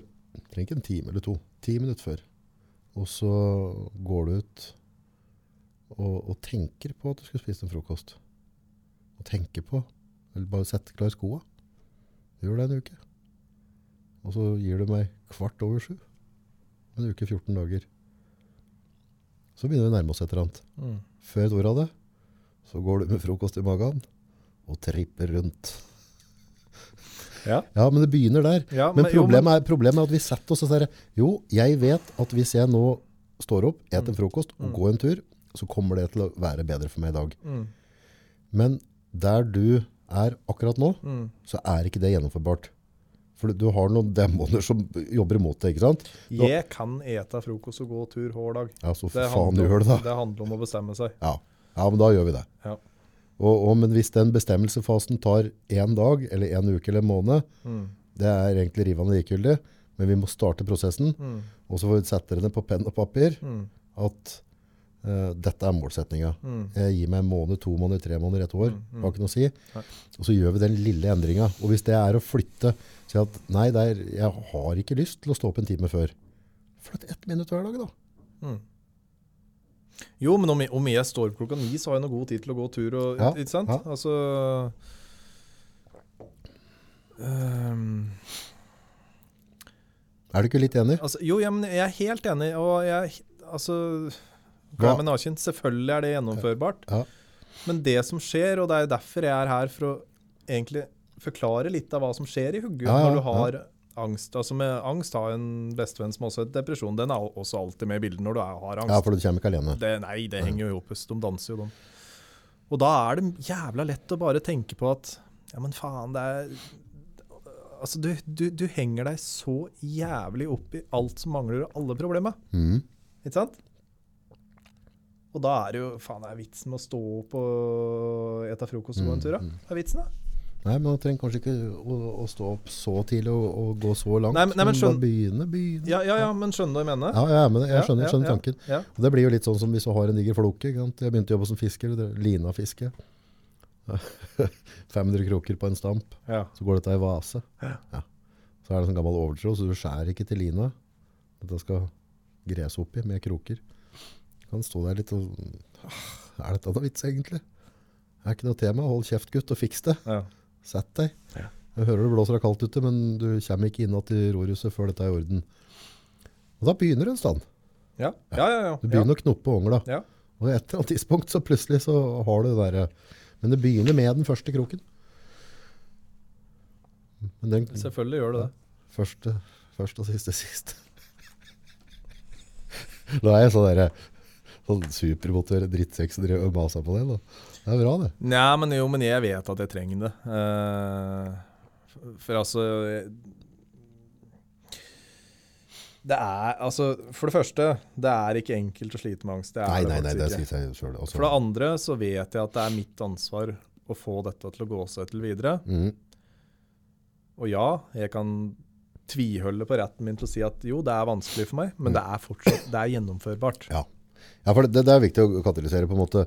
Eh, det jeg kan si nå etter en stund jeg har med deg, altså du, du er jo ikke evneveik, eh, og du er oppegående, og dette, altså du, er, du er en bra gubbe. Ja, ja. Er det noen andre i verden som har kommet seg ut av det du har? Oh yes. Ok, da får du det til da. Da er det det som er utgangspunktet. Jo, men det er det som er litt sånn deilig, August. For at det er en helt ny følelse å kjenne på, og den kjenner jeg ikke på hele tida.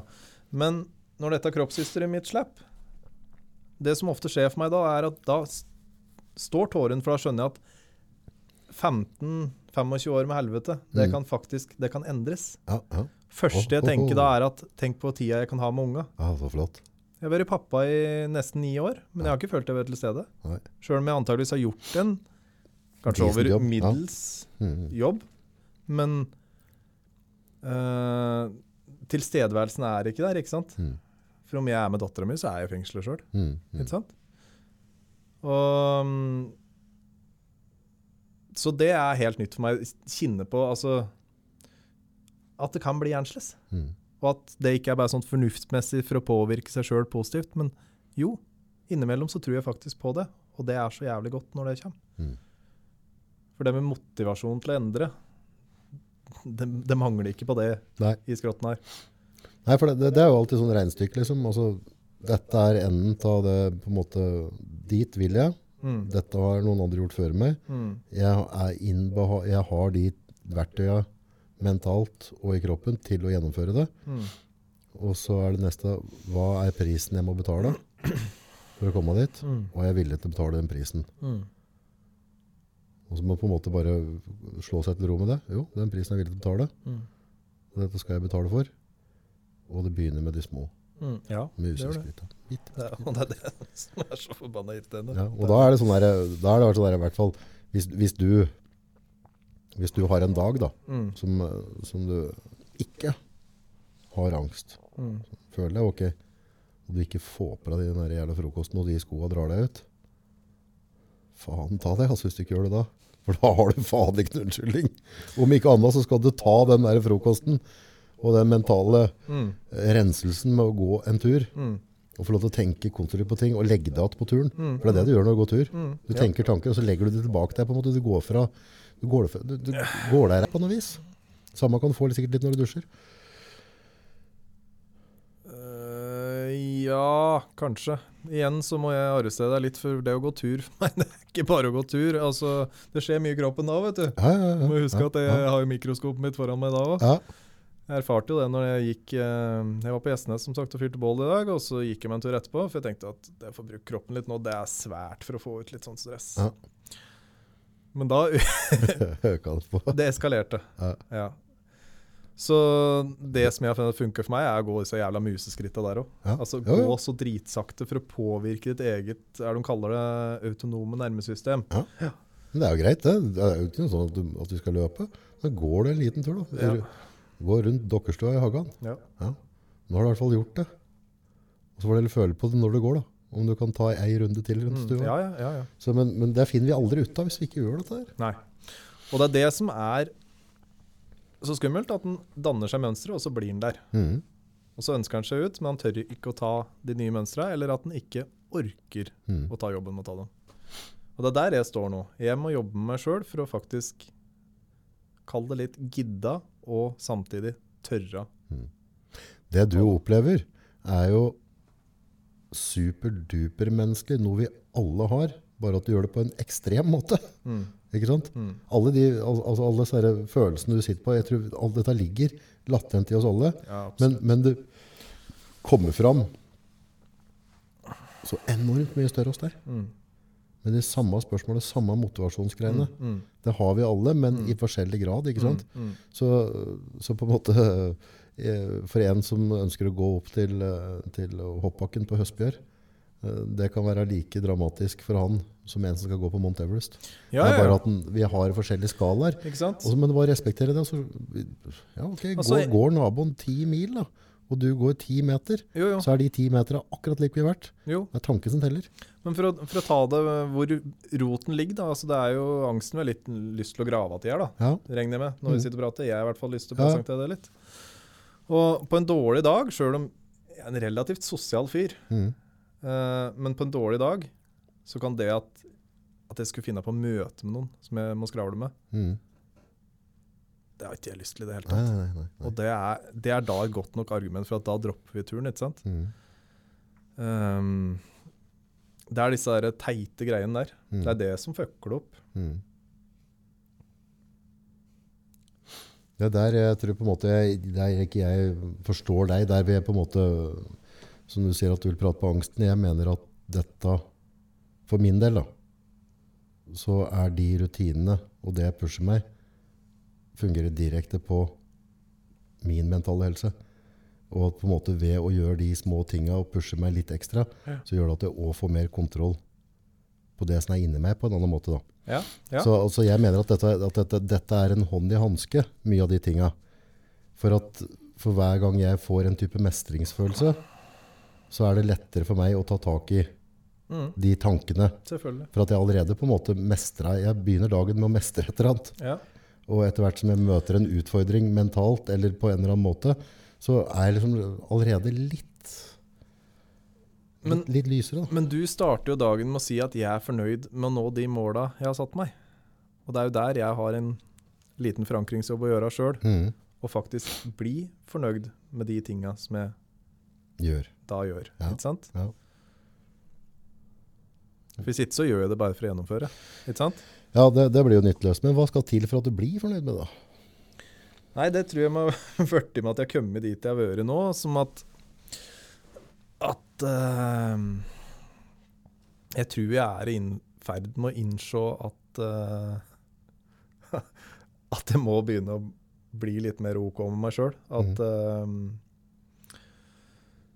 gamle strategier må kastes. Altså det derre det dårlige mønsteret med å kjøre ræva av seg sjøl og alltid skal være blid og trivelig når en er Mm, ute, mm. og så sjekker du ut på jobb, og så reiser du hjem, og så er du helt kake. Det er der jeg må tørre å bryte. Mm. Og tørre å på en måte si at status quo er ikke slik jeg ønsker, men eh, jeg må jobbe ut ifra det. Og jeg må være fornøyd. Mm. Det fins tross alt faktisk, sjøl om mange dager så kan jeg tenke at det ikke fins, Mm. men det fins faktisk folk som har det jævlig mye verre enn jeg har det. Sånn er det alltid i verden. Og det er sunt å minne seg sjøl på. Mm. Men, men samtidig kan han minne seg sjøl på det, så samtidig så føler han det helt for jævlig likevel. Det er, det er som du sier, å finne den mellomtingen. Men da, da kan du på en måte, når du sier det, altså utfordringen er liksom Når stopper du, da? I arbeidet, på en måte. Nå har jeg fått nok. Mm. Nå må jeg gi meg, for jeg skal Mm. ha alt litt hjemme. Mm. Da er det kanskje å finne en eller annen måte som vet liksom, at du får et kroppslig barometer på at nå, Ja. nå, nå stopper vi. Jo, men jeg har jo et kroppslig barometer. Men Mm. det er det å slutte å bruke den derre ikke-kine etter, og i stedet for tolerere når jeg får de signalene jeg får. Ja.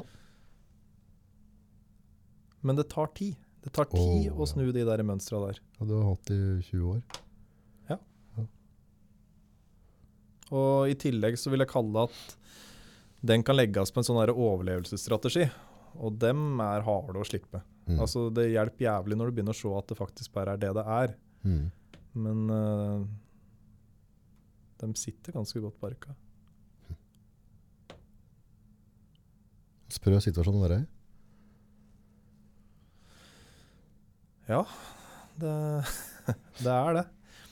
Ehm, det verste med det syns jeg er den følelsesmessige biten rundt det. Fordi at, som jeg sier, jeg vet jeg har så mye bra rundt meg. Jeg har ei kjerring jeg er fryktelig glad til. jeg har to unger. Mm. Jeg har en bra familie rundt meg, men samtidig, når du da sitter oppslukt i din jævla egen angst, så deler du egentlig ingenting av tilstedeværelsen. Nei. Og det er fuckings frustrerende. Og det gjør også noe med motivasjonen i forhold til å orke å gjøre, ting, ikke sant? Mm. For du får liksom ikke den belønninga. Uh, det mestra jeg under innleggelsen Mm. i sommer. Fordi uh, igjen da, noe av uh, fasiten for meg tror jeg ligger i å grine mye. Mm. For bare vare. Ja, ja, det er Eh, Det er en måte å regulere seg sjøl på som gjør at jeg takler stimuli utentil. Og stimuli utentil kan være å ha en samtale om noe normalt. Stimuli utentil kan være lys, det kan være lyd. mm. For problemet for meg er ofte at det blir for mye stimuli. Mm. Og da går jeg helt inn i den der eh, barometer tsk, og så får ikke jeg med meg en dritt. Har du noen gang følt trygghet rundt det og angst? Altså Nei, jeg har jo ikke det, fordi at måten jeg har takla det på, er jo å, å bli litt en enstøing.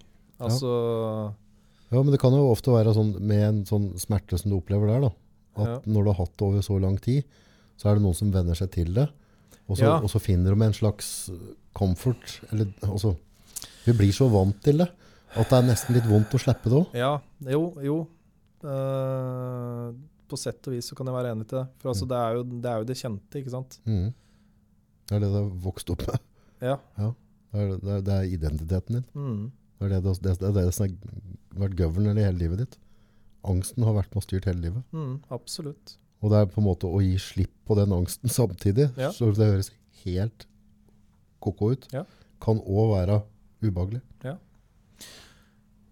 Det er nok et veldig godt poeng, og det det føler jeg Grunnen til at jeg kommer til deg og prater i dag, er for å gi litt slipp. Mm. Um, som sagt, så jeg brukt jævla mange år på å holde det for meg sjøl, og for meg så er det faktisk Det er godt Mm. å, å si noe om det til mange folk. Slik er det faktisk for meg. Mm. Men uh, det skal ikke forbli slik for meg. Mm. Men per nå så er det godt å si at slik er det Mm. for meg. Og jeg skal ikke gro fast i det. Det er bra. Det er viktig.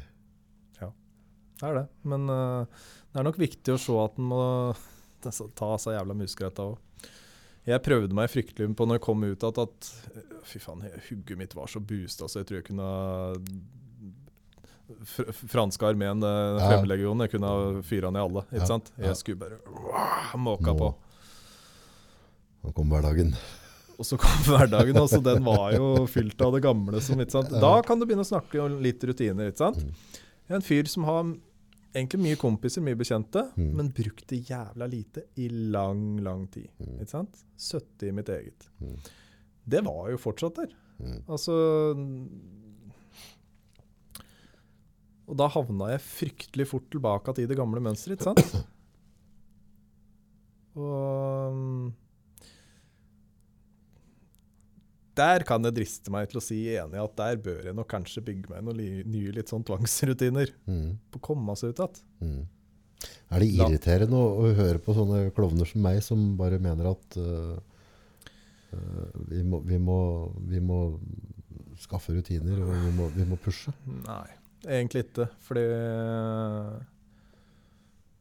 uh, For jeg er delvis enig med deg. Mye kan du strukturere ved å skaffe rutiner. Mm. Men samtidig så Jeg er nok ikke så truende som deg at du kan på en måte uh, reparere hele driten med den biten. Det er, Mm. det er flere ting som skal til, mener jeg, da. Mm. Ja, alt er vel sammensagt. Ja. Det, altså, det, er masse, masse ting som må, må, må klaffe i hopus. Ja. Men jeg vet i hvert fall sånn ut av de- Men du, de- men du sa da du jobba i psykiatri? Jeg jobba i barnevernet og jobba hos andre tidligere. Ja. Så Nei, jeg bare vet at de rituinene jeg prøver å følge, dem har jeg brukt veldig, veldig mange år og vanvittig mye energi på å få. Mm. De var ikke det de er nå i dag. Og de er heller ikke det jeg ønsker at de skal være. Jeg har, jeg har noen ønsker på ting jeg ønsker å, å forbedre, og jeg har veldig, veldig mye å forbedre. Men uh, jeg prøver ikke å la meg skuffe Mm. at jeg ikke klarer det i morgen. Mm. Uh, Det er en sånn work in progress. Men, uh, men det har vært mye, mye, mye jobb Mm.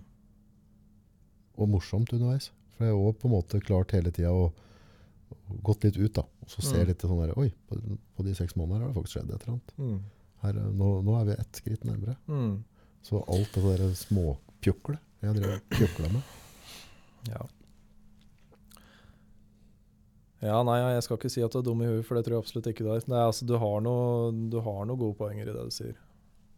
Ja, Jeg tror i hvert fall mye av det kan være Det er i hvert fall en bit som er veldig viktig å få med seg. da. Mm, Og så har du det du som prater på kosthold. ikke sant? Det var jo likt for deg. Og det, det er jo Der er jo veldig veldig få her i samfunnet som er gode på dette der. mm, Å følge det. Ja. For det, det, det er jo Vi er jo misbrukere, da.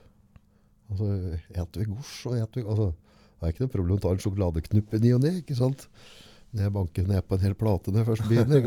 er, eh, så jeg, jeg må ha ganske sånn stramme regler på hvordan jeg kan ha, felt, så overgjør jeg det. Ja. og jækla god på dette der. Der har jeg sånn fin fakta. vet du. Ja. Det er en sånn liten hilsen til kjerringa om hvor heldig hun er. For det, Jævlig Kan- trivelig kone du har. Eller dame. Syns jeg? Ja, ja, ja, det er bra. ja. øh, jeg, altså, jeg ikke glad, jeg har ikke gått Jeg har ikke snudd ryggen til hun uten å smile. Nei. altså, for en humørspreder. Ja, ja, ja. Ja. ja. Du blir glad av å se på. Du med det, det blir som Morn! Ja. Ja, nei, hun er uh... Der var du vært flink. Å Ja, Hun har tydeligvis dame. sett noe hun vil ha. Ja, hun er ei jævlig bra dame. Uh, vi er vel omtrent møkk forskjellig, i hvert fall i det vi sitter og prater om nå. da. Ja, ja. Hun er jo den som Hun trykker litt.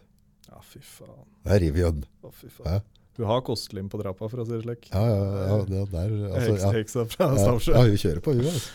Ja, nei, ja, men hun er uh... Det gir meg energi å se sånne folk. Ja. For det, energien bobler ut av dem. Ja. Og da blir jeg litt sånn veldig godt. Ja, nei, absolutt. Så kan det kanskje være litt overveldende for deg noen ganger. Noen ganger. Jeg tror det går begge veier. Det kan være litt overveldende begge veier. Um, Begynte å prate på hun nå? Da glemmer vi hva jeg skulle prate om. Ja, Det er hele poenget med podkast. Ja, ja, ja. Ræka litt rundt. ja, ja. Nei. Nei, men skal vi prate litt med Sunniva, da? Nei, vi var på rutiner. Ja. Ja. Og, og den derre den på en måte At det kan være en del av en ting, og så var det kosthold, og så var du inne på det at du hadde en forhold til det med sjokolade. Jo, stemmer. Der har jeg fin fakt. Um, Jeg er så heldig at jeg har ikke noe problem med verken alkohol eller sukker. Det er mange med psykiske lidelser som har det, som Ja. bytter innpå. Ja. Jeg har hatt et problem i mange år, og det er vel kanskje før jeg ble pappa, så er det det jeg er mest stolt av at jeg har klart å kaste bort. For jeg var dønn spilleavhengig fra jeg var eh, 10-11 år til jeg var 25. Jeg har ikke ført regnskap, men eh, fra jeg var 18 til 25 så jobba jeg Akkord. Tjente ganske gode kroner. Det var ingenting på spareboka. Alt gikk til spilling, Nei. og mm, bare kaos. Og det jeg har skjønt sånn litt i ettertid, er for at da tenkte jeg at det var problemet. Men altså, igjen, rus, spill, det er jo en måte å prøve å regulere og kontrollere deg sjøl. Ikke sant? Du har støttet mye idrettslag og, og topplønninger på Norsk Tipping, om ikke annet. Ja, fy faen, det er surt å tenke på, ass, for det er, det er mye penger. Er mye klarte å spille opp på en EFTA da, hvis du var i siget. Vet du, Jeg husker en situasjon som eh, Da bodde jeg hjemme ennå. Jeg hadde en sånn eh, hjørnepult, litt mindre fancy enn dette eh, bordet ditt. Ja. Og da låste jeg inn jeg tror det var 17 000 i skapet mitt i 20-kroninger. Og det var mye, altså. Hans var borte. Eh, Ja. Det skapte gode følelser. Det gjør jo ikke det. Nei. Og så i tillegg så skal du skjule det. Ja. Ja. Dårlig samvittighet, Dårlig samvittighet. irritert på deg sjøl. Ja. Og så tror du at du klarer å rette inn at på spillet ditt der, sikkert. ja, ja, ja, det er jo det som er håpet. Lånte jo noen kroner her og der òg, ikke sant. Og førte ikke opp gjelda. Gikk det skikkelig gærent, eller? Nei, men Skal vi se 19 år tror jeg var da. Bodde fortsatt hjemme. Eh, så oppdaget min mor og far at det begynte å komme veldig hyppige brev i postkassa. Og de grep inn og sa at 'vi vil se'. Og jeg mener å huske da at summa summarum så var det snakk om 110 000-120 000, en plass der Mm. utestående. Så de gikk inn, betalte ut gjelda. Jeg skaffa meg en kveldsjobb, så jeg jobba da fulltid på Nortura. Så jobba vi med telefonsalg på kvelden. Betalte ned på ett eller to år. Men spilte videre i skjul etter det. Fordi at da var motivasjonen var på en måte litt sånn påtvingt fra andre. Jeg er en stabukk og omtrent noe av det vrangeste mennesket du Ah, så det var andre som sa du skulle spille. Da skulle Ja. du i hvert fall ikke gjøre det. Nei. Jeg, fatteren har sagt en gang at det, Du er lett å ha i behandling, tenker jeg. du kan få prøve. Uansett. Nei, Altså, det sier ble det, litt sånn det. Nei, nei, da er jeg ikke så gæren. Men men jeg ble bevisst på det på Dette med tolv uker uh, innleggelse er nok noe av det smarteste jeg har gjort. Ja, det det, um, Da, da trakk de inn og lot den andre styre, da. Altså, ja, til en viss grad. Men Ja. altså, behandlinga skjer ikke kun blant behandlerne. Nei, altså, du har et sosialt du, Folk blir kjent med deg. ja. Og du plukker deg ut noen, og heldigvis er det noen som tør å prate rett ifra levra om hva de tenker rundt deg. Ja. Og jeg fikk jo bekrefta at det var vel fæl sta. ja. Og at eh, det er dumt å ende opp som å sitte alene og være sta, for det, det har ikke så mange å være sta for. Nei. Nei. Det er det som skjer til slutt. Ja, det- selvfølgelig er det det. Selvfølgelig er det det. Men, men det å, å gå inn til en tre ukers, nei, jo tre måneders behandling, Mm. da har du gjort et eller annet på staheta som sagt at eh, ok, jeg har ikke den kontrollen jeg mener og ønsker at jeg har på Nei. framdriften her. Eh, så nå er jeg villig Ja, ja. til å ta imot hjelp på en eller annen måte enn du har gjort før. da. Og til behandlere så gjorde jeg det òg. Ja. Totalt. Eh, kjør med hardt du vil, Ja. så etter hva du tror jeg tåler, liksom. Mm. Og det fikk jeg erfart. Det var, det var, det var noen skremmende opplevelser. Altså, det kom ut at etter time på Det fine da med Jeg har lyst til, jeg har lyst til å si noen ord om den plassen, Friskstiftelsen Elverum. Altså Ja. Hvis det er noen som føler at de går og butter jævlig og kommer i et system som f.eks. Sanderud, da, Mm. som ikke får dem videre. Mm. Prøv Friskstiftelsen. Søk opp Friskstiftelsen på nett. Se litt hva det er. Mm. Det jobba vel omtrent Altså det er en plass med plass til 25 pasienter på en gang. du bor på et hotell uh, som gjør Altså, jeg tenker meg sjøl, skal jeg kvitt som det er her, få den sjukehusfølelsen. Altså, eh, 40 stykker som jobber der, du ser at ingen av dem er der for lønna. Det er folk som er, for det første, jævlig oppdaterte. Det er et av de beste plassene sånn behandlingsmessig i forhold til å ikke bare oppbevare folk til de er trygge nok til å stå for seg sjøl. Behandle folk for å få dem videre. Eh, de gjør en helt rå jobb. Så. Så um, Det er godt vi har noen sånne. det er faktisk flere òg, men greia er at det er så lite kjent. For dette er jo en privat stiftelse. Oh, ja, ja. Og jeg ble jo henvist fra DPS. Det er DPS som må henvise dette her. Ja. Det er et opplegg som Jeg er jo en sånn glad i å regne, så jeg fant ut hvor mye dette kosta. Var det rundt 300 000 det kosta å ha meg der i tre måneder. Og mange andre som har vært eh, henvist til DPS, de går jo der Noen går jo der i ti år, får aldri tilbudet. Jeg var der tre ganger, så sier psykologen min at eh, kan hjelpe deg eller hugge over vannet, men eh, du må til Frisk for å få hjelp. Og der får du hjelp, sa hun. Det er fryktelig mange i helsesektoren som ikke vet om disse plassene som jobber litt annerledes, som får deg videre. Som kanskje kjører på litt hardere. Og det er litt sånn synd, fordi at når du står med hodet omtrent oppi ræva, så er det vanskelig å begynne å lete opp slike ting sjøl. Det gjør det ikke, vet du. Og hvis du Deg noe glimt tilbake til hva som skjedde med Nari, da. Mm. Mennesker som er så tungt nede at de, de vil ikke leve mer. De har ikke ressursen til å begynne å lete opp sånne plasser. Ja, Det ligger ikke naturlig eh, i registeret, det, å begynne å ta tak sånn da, når det er så langt Det gjør ikke det, vet du. Da er det jo forferdelig tilfeldig hvem du møter inne i helsevesenet, Oh yes. i forhold til hvordan utfallet blir. da. Ja.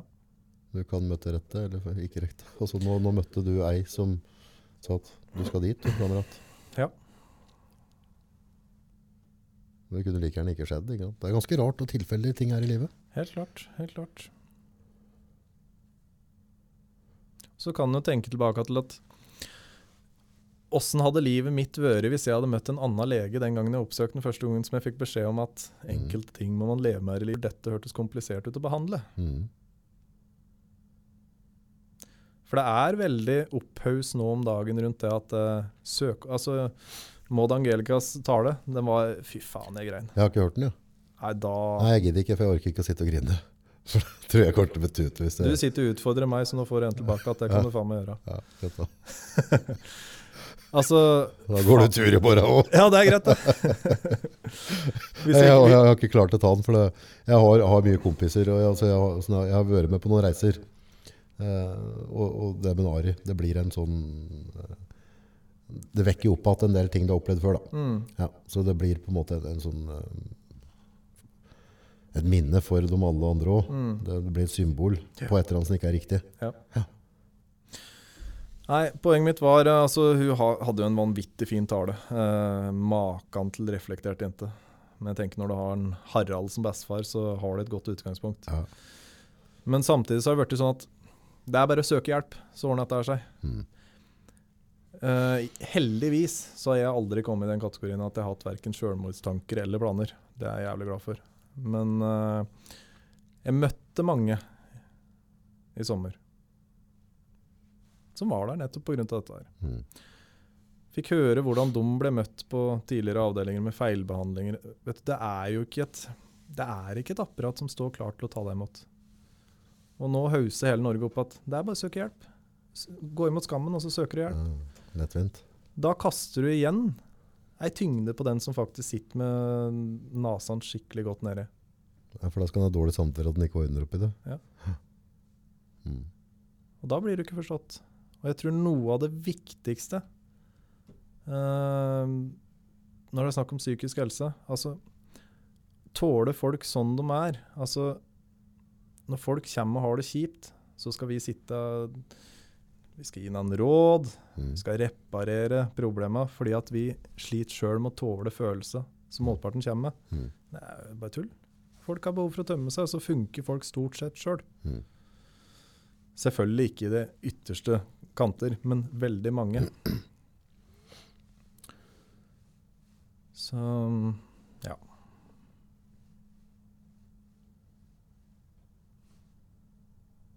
Livet er ikke lett. Kan prøve dem som vil. Kan det. Vi gir oss faen ikke. Nei, det er viktig.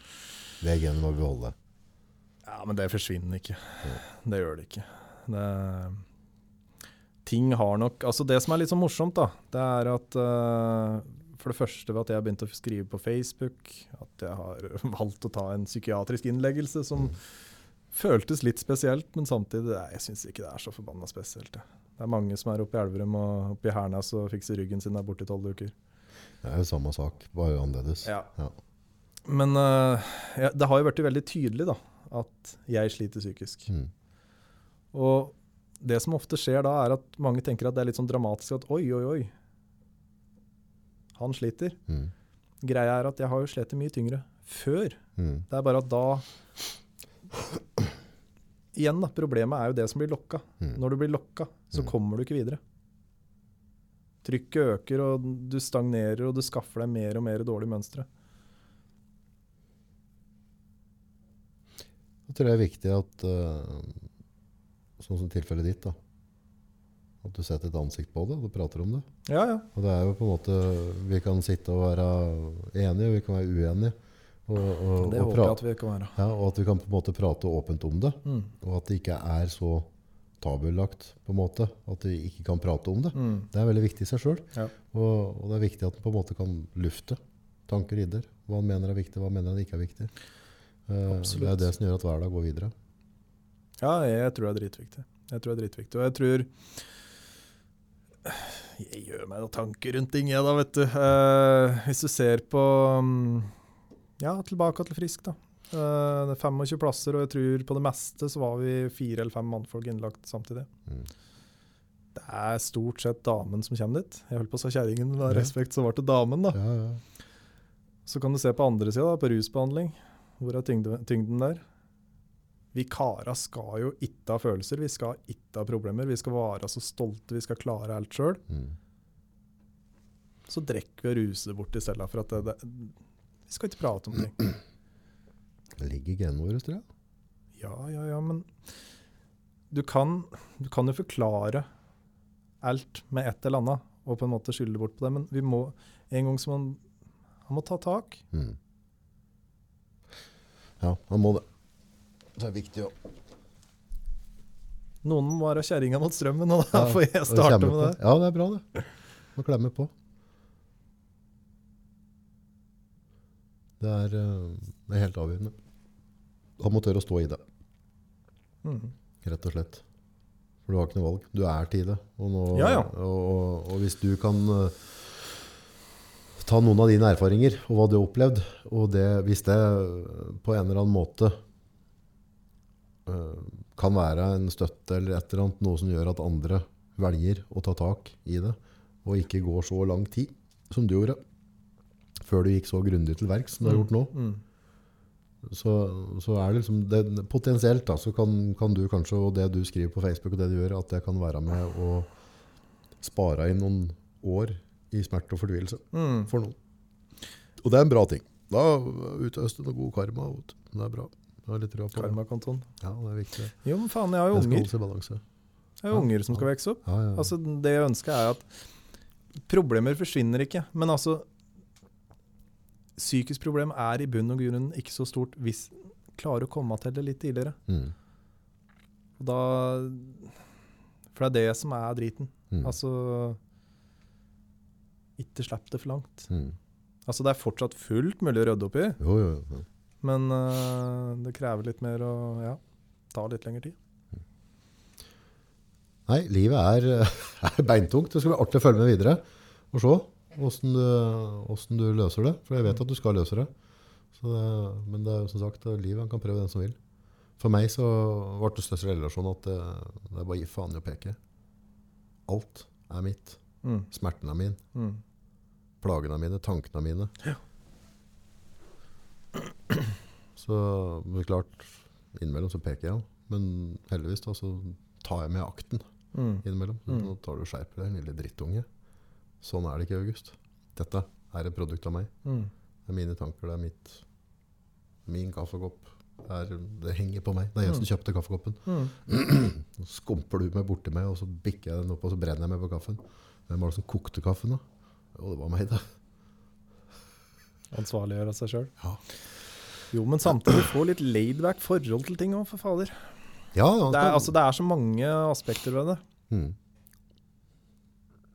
Ja, det er øh, Og det jeg tror den, den, den fasen du er i nå, det kapitlet du driver med nå, så er det mye sånne øh, knagger.